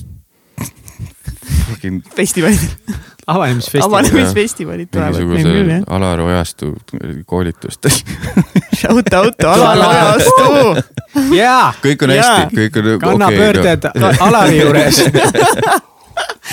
homme Alar mõtleb, miks tal kõik koolitused on välja müüdud rühm, tegelikult see oleks ülipull nagu Nii. teha mingi mega suur koolitus, teha kõik seal kannapöörded, teha Mattias Naanil mingi hunnuks story sid sealt või midagi. Davai, teeme ära, see tuleb kindlalt ära teha, aga enne kui äh, me läheme selle juurde, kuidas sa Kristeliga tutvusid äh,. kas on veel nagu mõni sihuke äh, õppetund, mille sa oled mingist äh, suhtest kaasa võtnud mm.? Äh, ära arva, et sa abi, abiellud ja elad elu lõpuni oma esimese armastusega koos. kui sa oled noor kuulaja, siis see suhe saab sealt kohe läbi ka seda. ära pane kõik, ära pane kõike sinna. tõenäosus on ja. Äh, selle poolt, et see saab läbi, aga on alati erandid, mis kinnitavad seda reeglit. täis debiilne ütlus, ma ei saa midagi aru sellest. noh, vot. Ma nii naudin, kui mingi hea paar lahku läheb, ma olen seda laval ei, ma olen seda laval ka rääkinud, et see on mul mingi biiti osa, aga see on nagu nii noh, reaalselt mul läheb, tuleb eriti kui on nagu Kristel rääkinud, vaata neil, neil on kõik imeline, vaata. Nad käivad seal rabamatkad, värgid ja siis see fucking läheb laiali, siis on nagu, ma ütlesin sulle, et armastust ei ole. Olemas. Röögid kodus, lihtsalt armastust pole olemas. lihtsalt oh näed, et God. mingi asi laguneb, mis oli enne etalon kõigile. Ja siis on nagu ah, fuck, ei seda, see on nauditav küll jah, sest see on kogu see Instagrami teema, ei nagu okei okay,, minu, minu teema sellest, ma usun, et armastus on olemas sorry, ma ei ole samas paadis siin sinuga. ei, see on olemas, aga lihtsalt kui nagu mulle lihtsalt meeldib, kui see noh, kui see vibe seal nagu ikkagi väriseb selle all mulle pigem meeldib ja, need inimesed, kes Instagramis proovivad oma elu näidata nagu liiga ideaalsena ja mm -hmm. siis tuleb mhm. välja, et, et kõik on nagu halvasti. siis on nagu kuidagi no mul on, no ikka nagu, see on jah kahju, et okei okay,, kahju, et neil siis nüüd sitasti on, aga lihtsalt mulle ei meeldi see, kuhu see sotsiaalmeedia liigub, mitte et ma nagu iga, iga, iga päev Instas ei passiks yeah.. et ma nagu küll toetan täiega seda platvormi aga suht pass platvorm on chat on päris heaks läinud minu meelest uh,. okei okay., aga kuidas sa Kristeliga tutvusid mm,? klubis nimega Protest siis tema oli jumala, jumala täis ja siis ta oli mu mingit reegi videot näinud ja ütles, et aa, sa oled lahe. ja siis äh, vist, mina vist kirjutasin hommikul talle midagi, et vist ei ole midagi meeles, aga noh. sest mina vist olin ta täispeaga sõbraks lisanud vist vastu. ja siis ma pidin talle kirjutama, et sa vist ei mäleta, aga ühesõnaga me korraks rääkisime, nii et sellepärast ma lisasin, et me lihtsalt ei ole nagu see random. oo oh,, Kristi Laasner nojah, ta on ikka Instas rohkem follower, et sa pead nagu ikkagi seal build up, nagu meie vaata peame mingi, ai nagu tegelikult Kristel on käinud, kõik on, pidi mul build up ima, et siis tähelepanu saaks. ja, ja, ja, ja. mis, mis sulle meeldib teie suhte juures kõige rohkem? me oleme vist äh, sihuke, kõik kõlab niikuinii nii, nii mitteromantiliselt, aga veits nagu mingites asjades ikkagi nagu sama inimene lihtsalt nagu oled nagu homiga nagu hängid nagu ja mis on ju super romantiline ma ei oska ausalt sellistele küsimustele kunagi on, vastata. ei, see on aus, see on õige vastus. ja täpselt, kui tuleb ka suhte jooksul see, et, et miks mulle ei meeldi mingeid rom-com'e või mis iganes armastusfilme suhtes olles vaadata koos paari, partneriga. sest seal on nii palju kuradi komakohtadega kohti, mida saab hiljem arutada või noh, mida tahetakse arutada. aga ja. seal oli viie nagu kohaline tulp seal filmis, et miks sa oled selle suhtes üldse, et mis sul need võiks olla siis aga sa nägid, mis tema nagu ja, oma. ja ma ei oska seal üldse nagu huumorisoon äh,, ilus oled äh,, meil on ühised huvid äh,, kõik tahaks ühist nagu tulevikku minu meelest see on väga romantiline, kui sa oled kellegagi koos, kellega sa tunned, et, et te nagu homid mm.. sest see on nagu päris, vaata, kui sul on lihtsalt nagu kaks inimest on koos, kes on, mina ei tea Nonii. kui sa oled mingi rikas mees, sul on lihtsalt mingisugune, mis see, trophy wife või mm.? Siis see ei ole ju samamoodi romantiline, see, et te sööte kallis restoranis õhtusööki mm., aga te vaata üksteisele otsa ja mm. no nalja te pole kunagi koos teinud, sest yeah. mida vittu, see naine ei tea midagi või. Sorry, et ma nii palju ropendan, ma lihtsalt noh see, see, see, see, see on kõik sinu süü ja olgugi, et sa oled vist mm. kaks korda täna ropendanud ja ma olen seitseteist ja, ja, ja teine sorry on see, et ma Harimatit nii palju sassasse segan, ta üldse ei ole asjaga seotud, aga lihtsalt. ta ütles, et teda hullult häirib see, kui inimesed tulevad tema juurde, siis arvavad, et nad peavad hullult ropendama. kas sul on samamoodi või? ei, ma, mul, minu puhul oleks see siis, et peaks hästi madala häälega rääkima läbi vuntsi ah. see oleks veits keerulisem võib-olla jah. proovin seda ropen-, roppu, ropendamist nagu võtta vähemaks anyway. aga see Trophy Wife'i puhul ma tegelikult saan sellest Wife'ist ma saan super hästi aru. ei, ma ka. see on lihtsalt. no see on nagu, romantiline. jah, ja teine, mis reedab. mis sa mehest siis aru ei saa, kui siis naine. ai, no mina ei, ei saa mehest kui, aru. ei, seal ongi see, mis Miks? ma enne rääkisin, et ma ise ei ole see kutikultuuri vend kunagi olnud. aga seal võib tõesti olla see, et sul on suhe ja need on eraldi asjad, vaata, mis on võib-olla mujal maailmas ka ja see on see, et ma lähen out with the bros on ju, vaatan mingit jalkamängu, jood õltsi. naine on oma sõbrantsidega kuskil. Eestis see põimub kohe nii läbi, et siin on minu sõbrannad ja mehed, sa oled nüüd nendega pestikas ja siis oled seal nagu, mul pole mitte sittagi rääkida teiega et ühesõnaga kõik pannakse ühte kampa kokku nagu mingisugune se segakool noh, aga äkki nendel siis, kellel on trophy wife'id ja nagu mehed, et neil on oma punt, kellega on pull ja lõbus ja hobid ja päriselu, siis korraks pead voodit jagama veits ja siis naine käib oma sõbrantsidega ja noh, räägivad oma meestest, kõigil on sama, samamoodi äkki mingid mehed. aga see, mis reedab, et on nii-öelda sihuke pinnapealsem suhe on see, et kui naisel on, naise instas pole ühtegi mehe pilti seal võib olla see, et mees ei taha, kui naisel on palju follower'e ja teeb influencing ut, siis mees võib-olla ei taha. aga üldiselt see midagi näitab, kui nagu naine varjab. oota, kui naise Instas pole ühtegi mehe pilti või? okei okay,, vaatame, lähme vaatame, palju Kristelil siin sinust pilte on. Kristelil story'd on iga päev Kaspariga, Kaspariga ma tahtsin Kapatuga koos öelda Kaspariga. kassapud kah see läks sul hästi mingi nagu selles mõttes. Eh, kust see Kapat üldse tuleb? Mu isa kutsus väiksena mingi, aa, see ongi, rõhk on tegelikult äh, Kapatu Kapatu, aa, äh, sorry. mu isa kutsus mind. Kristel õpetas mind, Kristel Fox, sorry. isa kutsus väiksena mind hellitavalt Matu Kapatuks vist, mingi lihtsalt giveris nii-öelda, Matu mm. Kapatu. ja siis sealt tuli Kapatu. see oli sihuke suht hea seim mul praegu, oi, kust see tuli üldse yeah. räägime siis Kapatust veel. ma tahtsin küsida, et mis on äh, Kristeliga suhtes või üldse nagu täna suhtes võib-olla kõige väljakutsuvam või kõige keerulisem? Mis on mm. midagi, millega te struggle ite, kui sa saad rääkida? kas siin on õigus võtta nagu kollasel ajakirjandusel õigus võtta siit mingeid asju, neid imeda neist mingid pealkirjad või? et ma lihtsalt, lihtsalt kui see, kui see on, siis meid ei kuule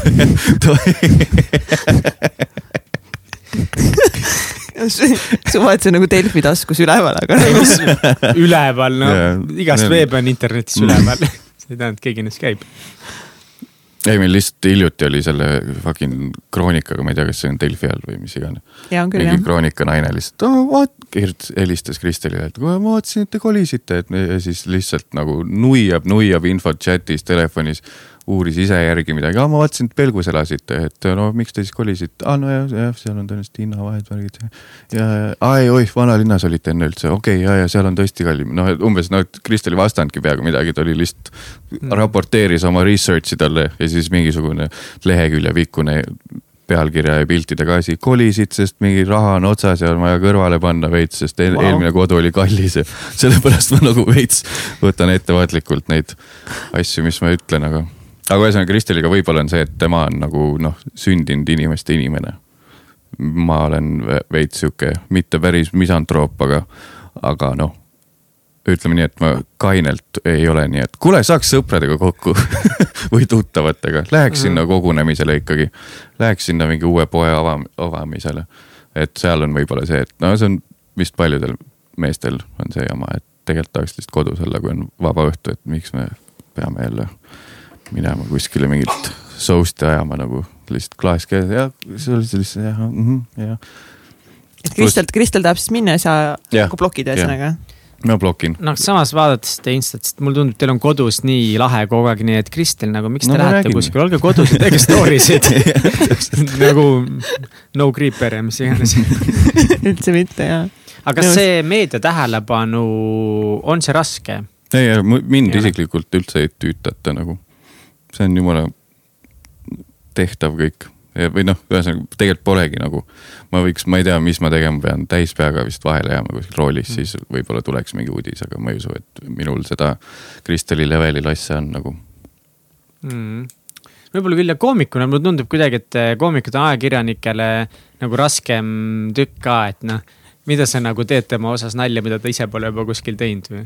nojah, võib-olla et, et mõnikord nagu mõnes mõttes suht nagu avatud lehed kuidagi või te mm. noh, teie minu arust elate ka suht-, no võib-olla see kõlab nagu see, tundub, et elate kuidagi suhteliselt nagu ehedalt või noh, nii nagu on, nii nagu kuidagi on. aa, et me ei valeta kogu aeg. jah, aga kas te valetate kogu aeg? milline elu tegelikult on?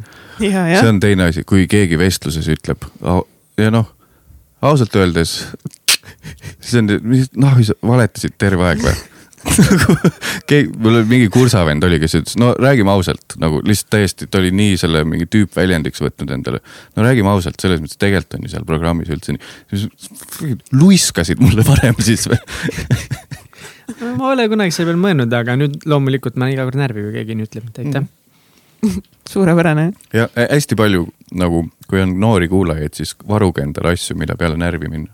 see teeb elu hästi lihtsaks ja põnevaks ka ei, ärge kuulake nüüd, isegi kui seal oli tugev äh, sarkastiline toon sees, siis. see ei ole see koht, kus notes'e teha praegu see on see koht, nagu üli chill tuleb olla. aga mis teil sihtgrupp üldse on, teie ideaalsihtgrupp, mis te loodaksite? naine vanuses kakskümmend neli kuni kolmkümmend viis. on meie, meie. no see, mis teil nagu oli, kui te projekti kirjutasite, et kes teid kuulata võiks, siis ei olnud. siis ei olnud, nüüd on vist välja kujunenud. vend oli vanaema. Katsi ema. ja onu, mul onu, onu, onu. ja onu. kõige suurem fänn siiamaani muidugi. aga kes need kingi saatis, kes need olid? ei no need on nüüd tulnud. tema, keegi Austraaliast. keegi Austraaliast. ei no keegi Austraaliast, Meeli ei no jaa, ma, ma enne ajasin juba segamini, siis mõtlesin, et ta on keegi teine, kes ühe pildi. Meelis või? Meeli. Meeli. Meeli. Meeli. jah, Meeli. Meeli Austraaliast saatis meile täiega toreda paki no.. Kui sa kuuled Meeli, siis thanks täiega. jah, jälle naine sai veits vähem kui mees, et üks S jäi puudu ühesõnaga, tahtsin jõuda sinnani, et enamuses on naised, kes meid kuulavad. jah ja. ja., naised kakskümmend kolm kuni. kakskümmend neli kuni kolmkümmend viis. kakskümmend neli kuni kolmkümmend viis, täpselt, statistika. Okay.. täpselt, et kas nüüd sobib või nüüd sa hakkad teistmoodi rääkima midagi, et aa naised. ja, ja. Ei vist ei, see on juba kaotatud publik. Mis sa oled õppinud kõige rohkem Kristeliga suhtes olles? Äh, seda, võib-olla sedasamat kuidagi seda lahterdamist, et, et näed kõrvalt, et Kristelil seda närvi ja anxiety't on nagu kõvasti vähem kui mul. Et siis lihtsalt näed, kui palju oleks võimalik rohkem teha ja multitask ida kõvasti rohkem, kui ei oleks seda, et lähed lukku ära, kui mingi üks asi õhtul on vaja kuskil laval olla. et tänu võib-olla sellele ongi see, et mingi võistlusmoment tekkinud, et kuidas see on nagu nii pohhuilt saad mingit asja teha mm. -hmm. ja siis miks ma ei saa ja siis võib-olla tänu sellele on seda, proovin nagu endaga tegeleda. et ta veidi aitab see, et on samamoodi nii-öelda meelelahutaja on kodus teine. et sa siis... näed, et on võimalik mm,? ma tean, et sind seda noh, see on juba mingi iseloomu eripära, et noh, täitsa sinna ma ei jõua, aga äkki on mingid nipid ja meetodid, mis nagu aitaks kas sul on, sa enne natukese kirjeldasid just seda, et sa lahterdad, aga kas sul on mingeid täpsemaid, ongi mingeid nippe või mingeid oma protsesse jagada, teistega, et mis nagu sind on aidanud mm,? vahepeal tegin mingit hingamisharjutust, kui mul puht füüsiliselt läks raskeks. Et see oli mingi jälle nagu Eesti mehe teema, Youtube'ist vaatasin hingamisharjutusi. no jumala hea, how to breathe. jah, ja siis olid mingid, hoia mingit keelt suula ees ja, ja siis mingi, mis see oli neli sekki hinga sisse, seitse hoia sees, kaheksa, loe kaheksani, kui välja hingad, et noh, tegelikult see on kõik nagu platseebo, et sa lihtsalt tänu sellele, et sa loed kogu aeg peas. et tänu sellele rahuned maha, et mõtled asendustegevus põhimõtteliselt. Mis on vist kõik hingamisharjutused on asendustegevus lihtsalt ma eeldan, ma ei ole uurinud üldse, ma lihtsalt puusalt praegu. näha on, et see vend ei ole et ühesõnaga no, see, see vahepeal. hingamine on meil ainult asendustegevus üldiselt iga päev nagu. ja see vahepeal ühesõnaga aitas ja see hingamine, aga nüüd mul on pigem see, et äh, pean meenutama endale, kuskil oli mingi quote, et, et, et mõtle, et kujuta ette, et sa umbes noh, kümme aastat tagasi unistasid olla siin, kus sa praegu oled. Et ma nagu proovin endale meenutada seda, et hinda seda, kus sa oled, et ära võta seda kui kohustust, vaid pigem on see, et aa, mingi esinemine on, ah oh, fuck, ma saan, noh, et füüsiliselt surud naeratuse ette, jess, ma saan minna rahva ette, mis peaks mulle meeldima ja siis nagu füüsiliselt lihtsalt jah yeah,, lähme, davai, okei okay. ja siis teel sinna esinemiskohta vajud jälle kössi ja siis sa oled nagu persse. I was supposed to be happy aga see hingamis, kas, kas aitas üldse nagu füüsiliselt, kas siis sul nagu füüsiliselt täitsa tulid peale paanikahood või? ma ei ole, ma ei tea, mis see paanikahoog tegelikult päriselt on, et mul vist full asja ei ole olnud aga, aga jah, selles mõttes ikkagi väga füüsiliselt halb. käid umbes noh, nii palju vetsus, et on valus pühkida lõpuks ja selles mõttes full nagu diarrhea ja käid seitse korda päevas nagu sital reaalselt enne esinemist ja selles mõttes see oh,. Wow et selle pidi kuidagi saama, see ei saanud, sest noh, paljudes esinemiskohtades ei ole häid WC-sid lihtsalt mul lihtsalt nii meeldib, kuidas sa enne samas ütlesid, ei nojah, see on mu elu nüüd Gotta do what I gotta do enne kui, kas sul oli mingi küsimus või? no küsi. Äh, ma tegelikult tahaks korra no., ma lihtsalt nagu ma pean seda mainima, see ei ole küsimus, aga ma austan hullult munamängu. aa, jah ma olen aastaid munamängu teinud ja lihtsalt eh, need tehnikad, see on nii põnev, see füüsika seal, see balansseerimine, need võimalused, eks mm -hmm. ole. Mhm. aga keegi saatis mulle pildi äh, Instasse, kus tal oli vist viis korda kolm rest, mida ma ei olnud elu sees näinud. ja siis ta kirjut-, oli kuidagi võimalikult täpselt pannud munad paika ja siis ütles aita, ma ei saa hakkama, sest seal tõesti noh, me oleme nii harjunud selle kaks korda kuuega, mis on mega lihtne, on ju. see on ja. nagu Rubik's Cube'ist räägiks, vaata tal oli neli rida oli tal. et ühesõnaga tal oli kolmene ja siis ma lihtsalt ei lahendanudki ära ja see jäi nii fucking häirima ah.. kuidas see uh,, tasakaalu keskpunkt ei ole õiges kohas aga see on ka üks asi, mis nagu lihtsalt teeb inimest kah, kahte lehte nagu Kristel enne ei teadnud üldse sellest aga näiteks isale mainisin, et näed, tegin siukse video, mingid rahvas, isa ütles, aa jah, terve elu kogu aeg teen mm -hmm. sama asja nagu. mõni lihtsalt teeb, ilma et see munamäng üldse mõni lihtsalt elus teeb asju. on need, kes teevad ja kes teevad õigesti. jah, just. kas, kas sina teed munamängu? ei mm.. Mattias, räägi, mis on munamäng? see on munamäng on nii, kui sul on äh, näiteks kuus korda kaks või viis korda kaks munarist. siis sa võtad sealt neli muna, et teha endale noh, ma teen endale kaks ja Kristelile kaks praemuna või keedumuna. nii, siis sa, mul karp jääb lahti niimoodi, et kuus tükki on siin ühes seinas. ja siis sa hakkad seda, paned ta külmkappi, järgmine kord, kui sa võtad selle, siis see üllatab sind, see raskuskese, sest kõik munad on ühes servas. ja siis munamäng on see, et sa tõstad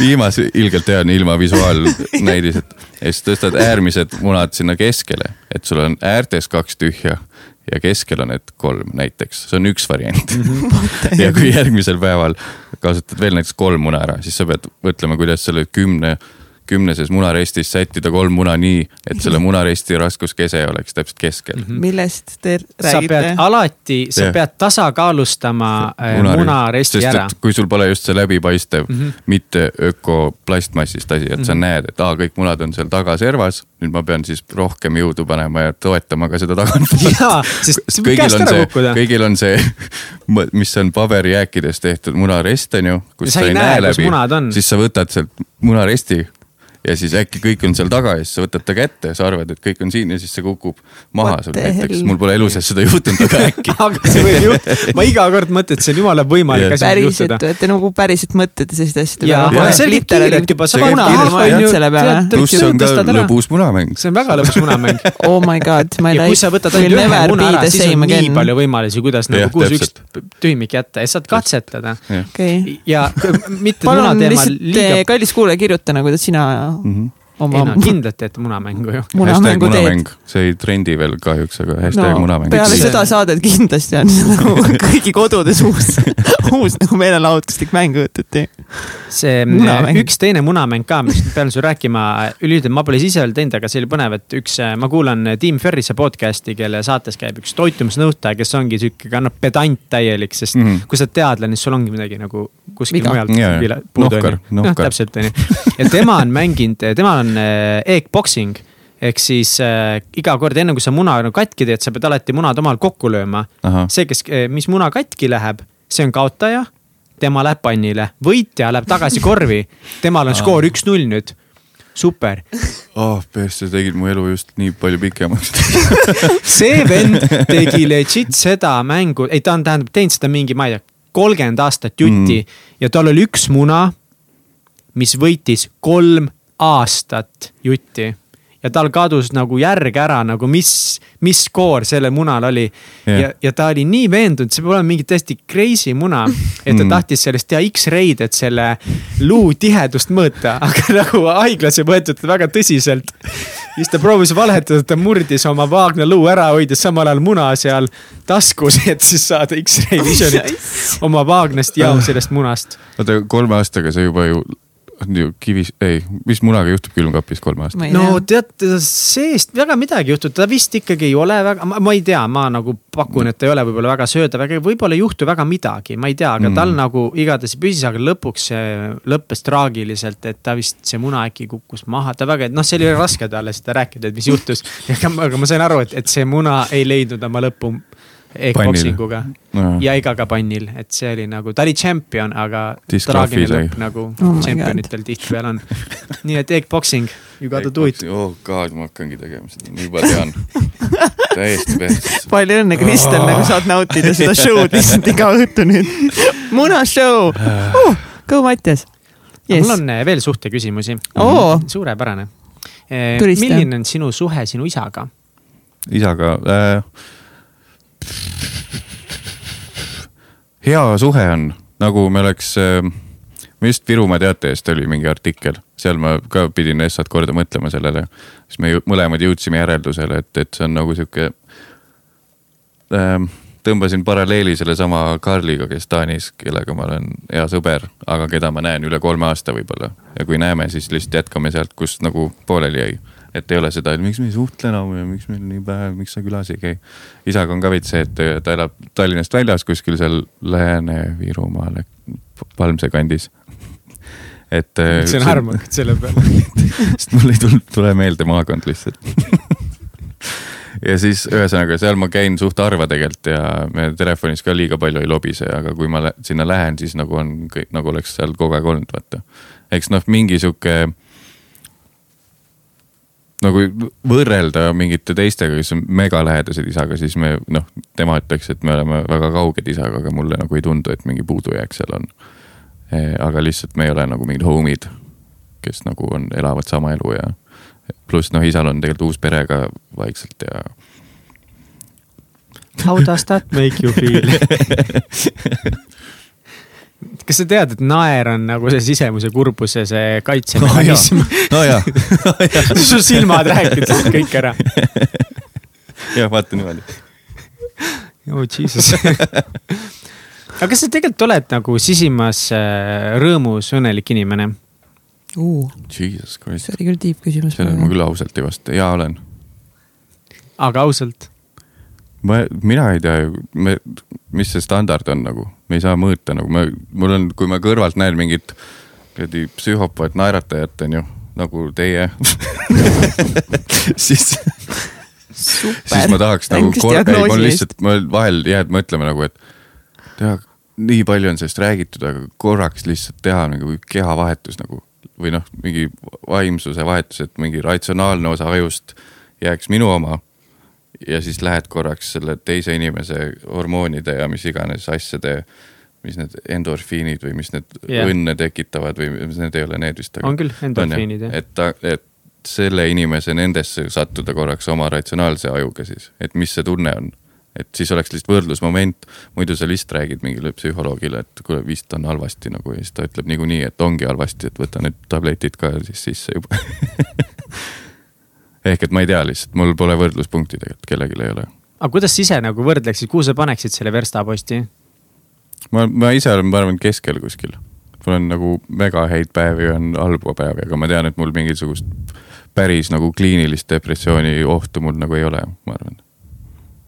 aga no see, et mul vahel veel sitt tuju on, noh, ma ei pane ennast samasse paati kui inimestel, kellel on nagu päriselt depressioon mm. -hmm. ei no sitt tuju on meil kõigil, see on ja. nagu fine, vaata jah Teil aga... küll ei tundunud ja ei, meil, meil on nagu konstantselt list nagu mingi keep smiling nagu. kõik on lit oh, oh, fabulous list every day, eriti Mihklil. ja, aga millest see nagu sitt tuju tuleb või kas sa, kui tihti sa mõtled nagu selle peale, et kohustused jah, ongi nii jah? ma olen, selle olen küll välja arvutanud, et kui mul mm. on mingi mingi kohustus, mis ma ei taha teha, siis kõik on sellest mõjutatav ja siis kõik peavad tänu sellele kannatama, et mul on mingi kohustus, mida ma teha ei taha. kõik peavad kannatama, ja siis läheb tuju ära ja kõige õnnelikum olengi siis, kui ma tean, et mul pole nagu pikalt mingeid esinemisi tulnud ja see mm -hmm. on tulemas ja see on kõige hirmutavam, sest et ma tean, et mul on ma saaks jääda lihtsalt rahulikuks kännuks kuhugi koju vaata, võtta mingi home office'iga mingi mm -hmm. töö. ja siis mul ongi lihtsalt, kui mul ei ole seda, seda püü-, küündimust püüdle, püüdlust kuhugi, mis mu peas ennast nagu näpistab kogu aeg, siis tegelikult ma oleks kõige õnnelikum, kui ma ei teeks mitte sittagi, vaid lihtsalt oleks nagu klapid peas, teeks mingit, ma ei tea, progemistööd või midagi mm. -hmm. siis oleks nagu lihtsalt jess, tööpäev läbi, diivanile blablabla, filmid, kaotad ennast kuhugi filmi ära, sealt elad teist elu, magama hommikul tööd veits seal. aga miks sa teed seda, miks sa püüad edasi? ei tea, ma ei tea, ma ei tea, mingi see vist kuskilt jälle jäi kõrva, et mi, nagu kõigil on see, et tahaks mingi jälje maha jätta, vaata mm. -hmm. ainult see vist on see, et nagu et lihtsalt sured ära mingi kaheksakümne aastaselt ja siis on nagu äh,, noh jah. tahaks olla ikka nii, et mingisugune väike kuskil mingi järelhüüd oleks kuskil võiks olla nagu, et kaotasime Mattias Naani ta tegi vahepeal meid rõõmsaks. vahepeal noorena või noh, mis noorena, hilises nooruses. Ei noh, sa oled ikka inimesi räigelt naerma pannud, et kuidas sa üldse nagu, kuidas sa ise suhestud oma tööga? nagu nii-öelda koomikuna koomikuks olemist. kuidas mm -hmm. see nagu kirjeldab, mida see töö tähendab sinu jaoks? no ta ei olegi töö nagu, sest seal on ka jälle, nüüd on mul nagu uus level vaja vallutada, on see, et, et kuidas seda nüüd konstantselt teha mm. -hmm. et äh, alguses oli see, et inerts ja see, et nagu push'id ennast ilma mingisuguse lisajõuta või lisaabiu vajaduseta lihtsalt teed, sest et tahad nagu kuhugi jõuda. nüüd on nagu noh, enda peas nagu nii egoist, et enda peas oled justkui kuhugi jõudnud ja siis on väga raske ennast motiveerida, et tegelikult peaks nagu jätkama seda, et, et seesama selle esimese entusiasmi ja asja armastuse ülesotsimine on praegu see suur, suur katsumus nii-öelda, et kuidas seda teha, leida uuesti et seesama ütlus, see, et nagu kujut-, lihtsalt surud endale, et kujuta ette, et sa tahtsid siin olla seitse aastat tagasi, see aitab. noh, kogu aeg lihtsalt nagu proovid seda sädet leida uuesti, see on nagu keeruline praegu. Mm. Sädeme terviseks. Kui sa vaatad nagu, meil on tegelikult ka välkküsimustes sarnane küsimus, aga kui sa nagu praegu mõtled, mis on need asjad, mis sind teevad õnnelikuks selle töö juures, mida sa ikkagi teed? Mm,? See naer ikkagi.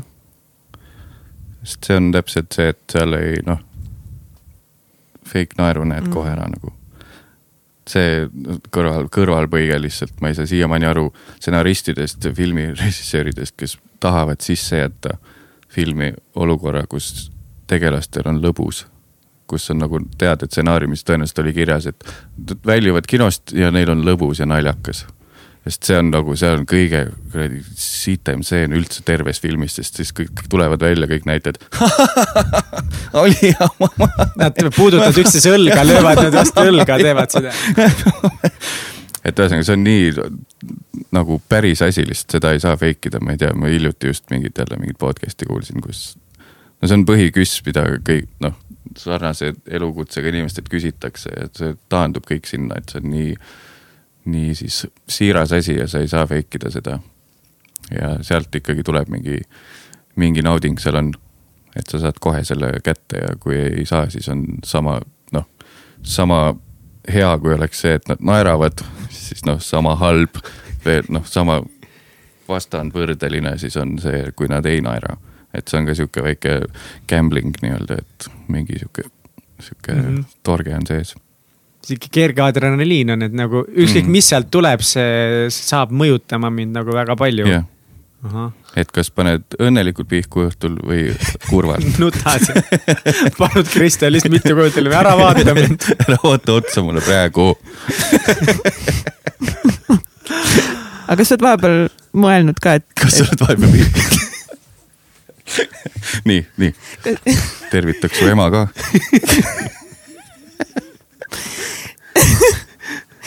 et kas sa oled vahepeal mõelnud, et, et äkki see koomiku värk ei ole ikka nagu sinule? aa ah, jaa, kindlalt, sest hästi palju on näiteid igast äh, tüüpidest, kes noh, on alustanud koomikuna, siis läinud pigem mingi lavastamise või noh, ikkagi sihukese kaamera ees asja peale. sest noh, kaamera ees mul on ka pinge peal, aga seal on kõvasti väiksem see pinge et näiteks Judd Apatow, kes on nüüd noh, lavastaja, mega suur produtsent filmidele, et tema alustas ka stand-up'ina aga noh, see on, ta vist nagu, tal vist seda jama ei olnud, et ta nagu super nagu närvis oleks olnud, aga lihtsalt asjad loksusid teistmoodi, et ta oli pigem paberil tugev ja. et noh, kogu aeg vaatad seda, et noh, et kaua ma tegelikult suudan nagu seda hoida endal seda keha nagu väsitamist, sest tegelikult ta ikkagi võtab liiga palju energiat ja närve ja asju ja stressi tekitab, et kui ta peaks hakkama mind nagu ikkagi uuesti kuidagi rohkem mõjutama et eks mul siis on vaja teha mingi otsus, kas just teadlik, aga noh, eks need satuvad siis kuidagi loksuvad äkki paika nii nagu on vaja. jah. aga mis siis, mis siis edasi saaks, kui sa enam mm -hmm. lavale minna ei taha? no siis olekski tõenäoliselt äh, mingi stsenaariumid ja võib-olla pigem nagu audiovisuaalne pull ja, et noh, huumor jääks kindlalt, et ma kuhugi nagu teise asja ei taha, ei läheks tõenäoliselt. aga jah, see ühesõnaga pulli saab teha igat moodi. aga kas teistel on, vaata nagu mingi filmidesse või üldse nagu mingeid nagu nalju kirjutada, teistel on nagu raskem kui iseendale või? tegelikult ei ole ilgelt palju lihtsam on teistele kirjutada, sest et sa, sa ei pea ise esitama seda, see võib sitt nali olla. See võib hästi nõrk, ei lihtsalt me oleme näinud pealt seda, me oleme mingeid asju teinud, kus on, on nii-öelda toimetajad, stsenaristid juures.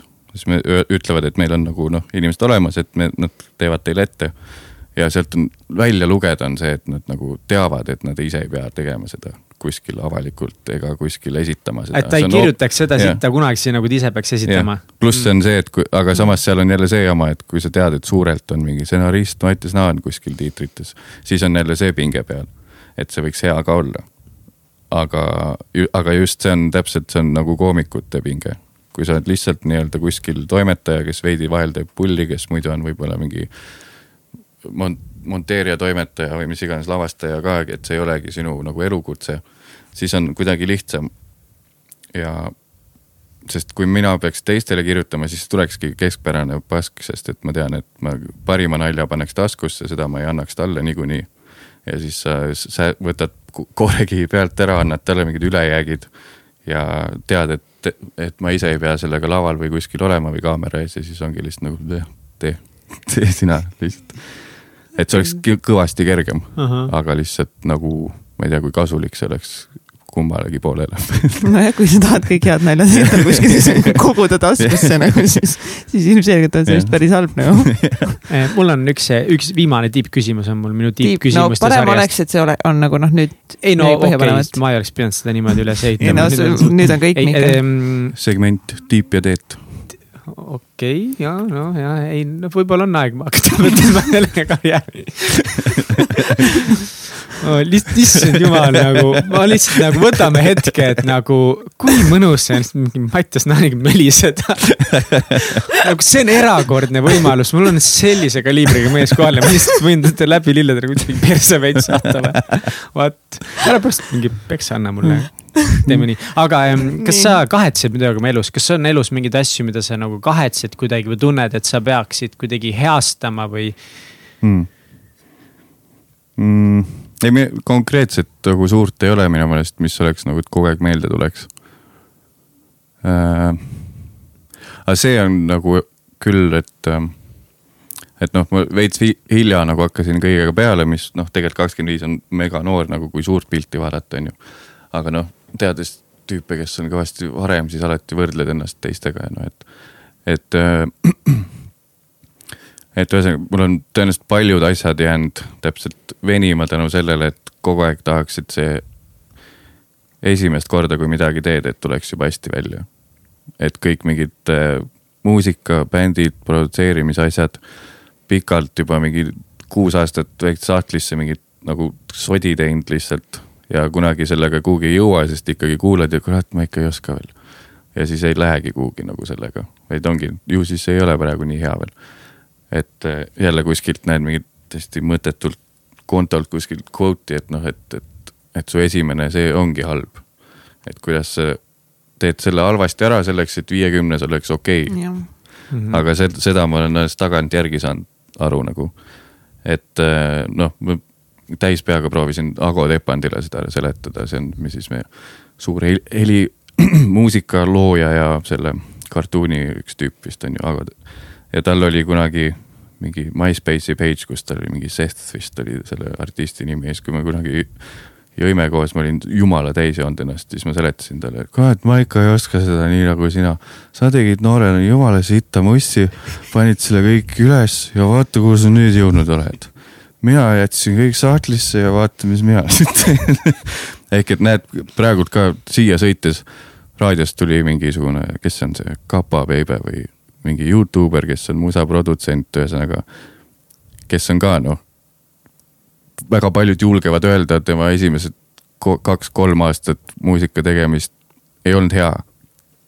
aga nüüd kuulad seda, mis täna ma kuulsin, mul jäi kuradi karp lahti, et see vend teeb nii head nagu biiti et ühesõnaga see, see, millest mina, mina ei ole osanud terve elu, et on see, et nagu lihtsalt hakka peale kuskilt. kogu aeg on see, et juba võiks olla tegelikult imeline kõik mm. -hmm. ja siis tänu sellele nagu kõik, kõik on jäänud veits nagu venima või üldse pooleli noh nüüd ma panen iga pasa välja, mis, mõte tuleb siis nüüd läks nagu teistpidi veits lappesse asjad nagu. kuule, aga me ühe teema oleme täitsa kõrvale jätnud praegu siit, mida võiks korralt puudutada no puudutame korraks, jah ja., muidugi. What is it? et eh, Mattiasel on ka raskusi unega või mitte unega, aga siis hingamisega või une. apnoe. apnoe on see yeah. natuke keeruline sõna, et kas see on eluaeg olnud sul või see mingi hetk tekkis ja mis see üldse täpsemalt on? Ähm, see on see, et, et ma uneapnoe, raske uneapnoe nagu mul on, see tähendab siis, et kui mul hingamismaski ees ei ole öösel, siis ma lämbun viiskümmend kaks korda tunnis. nagu täiesti niimoodi, et mul nagu ei saa ja siis tekib see, et ma nagu, ma lähen nüüd mikrile hästi lähedale. nii, see, mis toimub viiskümmend kaks korda tunnis iga öö, kui mul maski ei oleks, on see, et ma magan.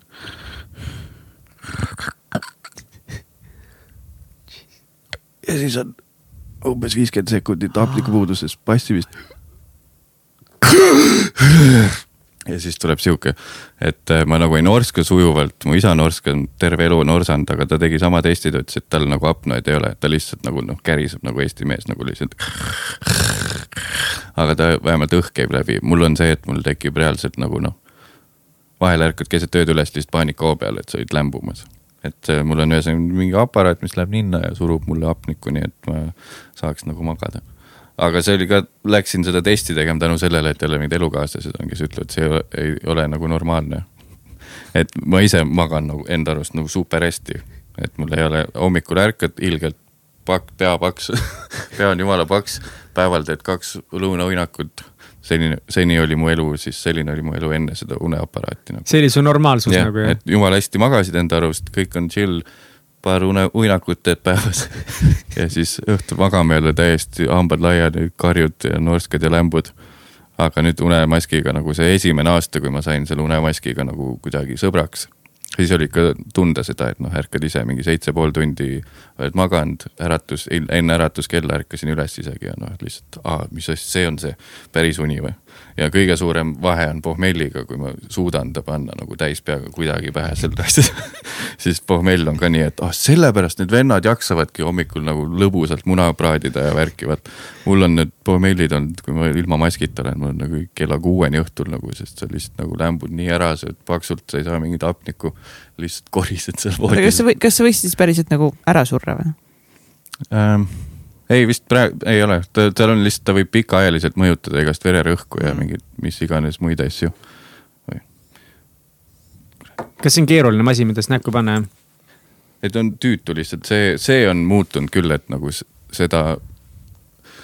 no kõik, kõik teavad seda tunnet, kui sa oled diivanil, vaatad midagi räme uni on, mõtled, ma ei rohkem ei jaksa, ma lähen magama, ei pesa hambaid ka, pohhui, nii pohhui on, ma lähen otse magama mm. -hmm. aga mul on see, et mine perse, ma pean veel kuskilt mingi veekanistri ära täitma, pesema oma mingisuguse nina, selle nina need iminapad või mis iganes see on, need mingid asjad, selle ära, vooliku puhastama kuidagi ära ja siis paneme selle, siis paneme masina tööle, selili peale maski pähe panema, testima, et see töötaks. Ühesõnaga see, et nagu mõnusalt magusas unnes hoikuda, seda nagu, see mm. -hmm. luksus on ära kadunud kahjuks okay.. aga kas seda kuidagi, see ongi nüüd nagu forever, et seda kuidagi. ei, mul nagu..., tegin selle, mis see on, selle endoskoopia või?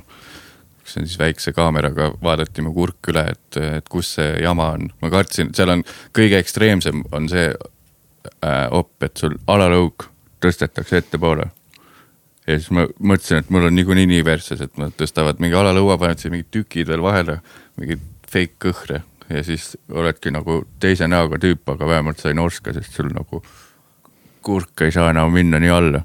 aga õnneks mul seda ei olnud, et mulle öeldi, et mulle peaks lihtsalt selle, kus see kurgunibu on sel-, sinna tegema väikse lisavõlvi ja võtma lihtsalt mingi tüki vahelt ära. ruumi nagu ja, rohkem juurde. et sihukese opi ma peaks tegema, et ta veidi sarnaneb tõenäoliselt mandli omale, aga, aga, aga noh, see kaar oleks suurem vist siis. aga ma lihtsalt jälle lükkan põdemisest edasi seda mm, -hmm. sest ma ei mhm. viitsi kaks nädalat olla mingisuguse ilatopsiga voodi ääres nagu. no selle, selle asemel iga, iga öö läheb see aparaat ja siis ja. sama hästi saaks Kristeli kaapis kaisutada nii, aga eh, meil on vist aeg sealmaal. Matsil no, ka juba telefon hakkab vaikselt helisema. kus sa kurat oled? kus sa? et meie iga saate lõpus on siis, eh, meil on sihuke kiire voor nagu välkküsimused mm. -hmm. ja me välgutame kõigiga, me välgutame ka sinuga mm. -hmm.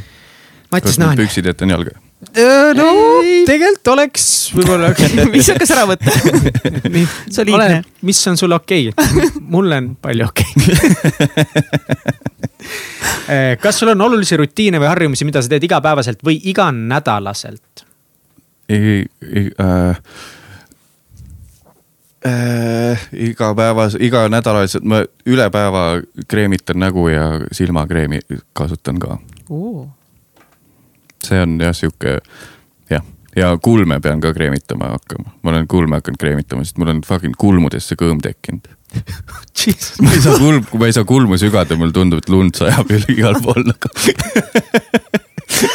mul on nii kuiv nahk, ma ei tea. mul on ka kõõm, mul tuli kõõm, mul ei ole. kulmudesse või? ei, äh, peaaegu, ei no mul on nagu päris, ma pidin mingi spets šampooni ostma, nii et nagu I feel you nagu. lund tuleb. ma ei saa, ma proovisin neid apteekri ja nahaarsti mingeid šampoone, aga Head and Shoulders, ma tean, et nad ei ole sponsorid siin, aga Head and Shoulders siiamaani kõige parem asi üldse, mis mul on kõige rohkem aidanud, ta kuidagi niisutab teeb kõik nagu korda, ma sii-, ma ei ole kasutanud seda, sest Kristel ei luba mul kasutada seda, sest see on sama nagu see Nivea chapstick, vaata huule mm., millest sa jääd sõltuvusse lihtsalt, see ei aita mm -hmm. midagi tegelikult. aga ma pigem elaks Head and Shouldersiga elu lõpuni lihtsalt, sest see oli nii palju lihtsam elu. lihtsalt pesed mm. korraks sellega ära ja. aa ah, no jaa, et nüüd jah, sa pead mingi hoidma ja värki ja, ja. mingid mm. Juukseakadeemias või mis iganes need kohad on mm, -hmm. seal niikuinii öeldakse nii ja siis see on see, et see kuur kestab kaks kuud, seda pane siis, siis ja. pane kolmas kiht seda peale. kellel see aeg on? Head and shoulders peale super, ootame sponsorrahasid äh, milles sa väga hea ei ole mm,? Korvpalli ühismä-, noh korvpallis nagu mingi kolm-kolme teha. meil on kolmapäeviti mängime sõpradega kossu, elu sees pole kossu mänginud, nüüd kolmekümne kolmaselt mõtlesin, aa kindlalt ei rebesta ühtegi lihast ära. hakkasime mängima hobi korras ja ma absol-, võistkonnamänge ma ei oska, ma olen kogu aeg olnud pigem pingsis. nagu, kus on soolomäng nagu, seal ma oskan, ma oskan jalgpalliga kõksida, kui on tiimimäng siis ma ei saa aru sellest adrenaliinist, mis meestel tekib, et sul on mees seal vaba ju, tule mees kõik oleme sõbrad ja mis karjud noh. mille üle sa oled kõige uhkem oma elus? selle, et ma tegin selle open mic'i ära, ma arvan siiamaani on. mis on kõige pöörasem asi, mis sa elus teinud oled ja kas sa teeksid seda uuesti? oota, mega igav elu tundub praegu jah, jälle ma olen nii vist selles kinni, see oli nii suur ületus, et sama stand-up'i asi, et teen siiamaani, sest mul tõesti ei tule pähe, et ma midagi nii nagu endale vastumeelset oleks teinud nagu... kuidas kõik koomikukarjäärid algavad mis on edu võti? edu võti on, et pead iseenda vastu vahel munn olema.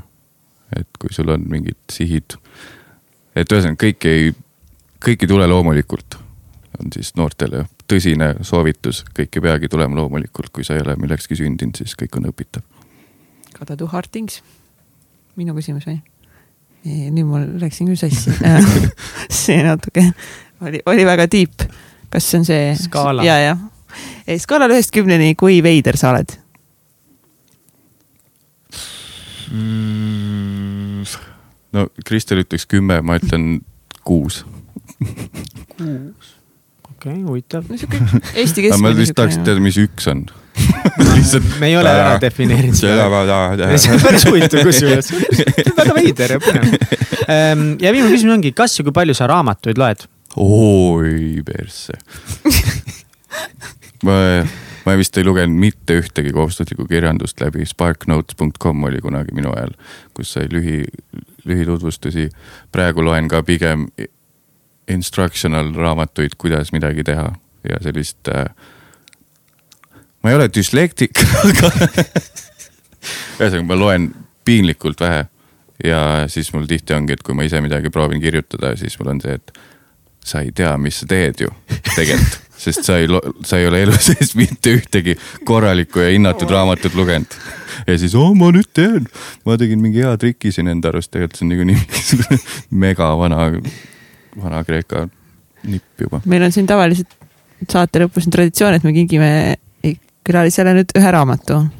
aga, aga, aga, aga kuna ma ei tea, Mattias, kas siin mingi raamatuid ei loe, et ma ei tea, et kas see nüüd läheb ei, no, kuskile. No, saab ju kapi peale on... panna, sest see alati jätab palju intelligentsem mulje endast, kui sul on kapi peal mingid nagu raamatud. seda, seda mul, mul on kodus on, ma olen tellinud ja tohu ja raamatuid on, ma lihtsalt ei kohe nagu see lege, et kohe hakkan lugema varsti, kui aega tekib. aga need on need nüüd need eh, suured kannapöörderaamatud mis oh, sinu, sinu lemmikteema, vaata. Self-help'id või? ja, ja, ja, ja, ja noh oh., no nii, Mattias, kas sa oled valmis, kas sa oled valmis no,, ma ütlen nii. esimene raamat, sa saad valida, vaata endale ühe onju. Eh, miljonäri mõtteviisi saladused. okei okay,, ma vaatan, palju pilte on eh, kui üheski pole ühtegi äh,, ütleme lihtsalt ette ära juba, et nagu siis pole ühtegi. siis on Napoleon Hilli saatanat paljastades aa ah,, ma mõtlesin, see oli. ei, ei, ei, kõik on self-help, nii e kuidas saada nutikaks, terveks ja rikkaks by Randy Cage ja Babyloni rikkaim mees. okei okay,, aga see on siis ikkagi mingi nii-öelda eepos või, ei? aga siin ta jutustab nagu actually ühte lugu. jah jah. seal on nagu story ikka. põhimõte, oh super oh., see mulle meeldib. ma, mingisugust. kas eh, Babyloni rikkaim mees läks Mattiasele nüüd eh, koju, aga ma tahtsin, ma korra lihtsalt, noh. See... aitäh, Million Mindset kirjastus. jaa, Million Mindset kirjastus. Shout out, Million Mindset meie number one. noh, ta kohe sai aru, et mida tegema peab kohe nagu lihtsalt tegi ära nagu meie siin. ma ei tea, kas see on nüüd nagu mingi noh, klišee nüüd mingi värk on ju. aga eh, kas lõpetuseks, eh, kui Mattias võiks teha nüüd ühe siukse mingi standardse siukse stand-up'i nalja, mida sa võib-olla räägid kuskil oma esinemistel? aa, mul, okei. Okay., Essa on see, et oota et äh, nii. Rahvas juba lahkub saalist, aga pole hullu. Ja, ja tee nalja. või siis teine on see, et kuule, et mul on üks hea lugu, saad kasutada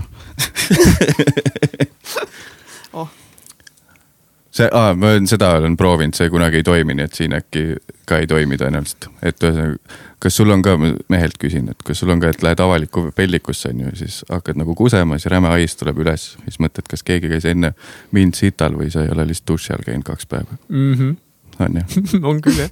on ju, täpselt on lihtsalt observatsioonid, see ei olnudki nali ei, paar korda ikka on mõelnud, et täna me hommikul ei käinud duši all jah okay.. ja siis mu vennatütre lemmik on see, et, et, ähm, et äh, kas sa teadsid, kui lehmad targutavad, siis nad alustavad igat lauset sõnaga muuseas. okei okay davai, davai, davai, davai. kus meie kuulajad sinu tegemistel kõige paremini saavad silma peal hoida? kaksisvee, kaksisvee, kaksisvee punkt Instagram punkt kom, kaldkriips Kapaitu. ja vist on mingi Fesari page ka, aga. mitte segamini ajada Kaspariga siis. kindlasti väga oluline ja Kas... vaadake Multinektar poisi aastavahetuse show'd ka ja, ja, ja promo kõike, mis sul on, see. no ja praegu on see koht nagu lihtsalt järjest, kas sul mingi kuskil mingi giigi tulemas, kuhu vaja piletit osta? äm lugu videot, äh, siis äh, giigi hetkel ei tule pähe, kas tuleb midagi, kindlasti open mic'id millalgi. Neid ma mainin ka kindlasti Instagramis on ju. Davai, davai, super. ja rohkem pole praegu aitäh sulle nii, nii, nii palju, sa eh,, olgugi, et sa oled naljamees, siis tegelikult sa jagasid täna meiega jumala sügavaid ja väga siukseid isiklikke teemasid ja mul on siiralt, siiralt hea meel, et sa Teiega. võtsid selle aja ja, ja olid, see oli üli-ülilahe, ülilahe. ma lihtsalt küsin, et kui sul on varem käinud nii-öelda äkki koomik teil siin kas ta on ei siis, ei ole, aa, ma mõtlesin, et okei okay., no siis ma isegi, ma tahtsin lihtsalt teada, et kui varem on koomik olnud, et kas ta siis on kogu aeg olnud. et nagu, aa, nad on ka inimesed ei, aga sa tõstsid lati kõrgele, tõstsid lati kõrgele. aa, selge. kõikidele, kõik, kõikidele järgmistele külalistele. ma oleks nii peaaegu teinud munninalja, aga ma siis las ta jääb. ah, las ta jääb. las jääb, mineks muuks korraks ka.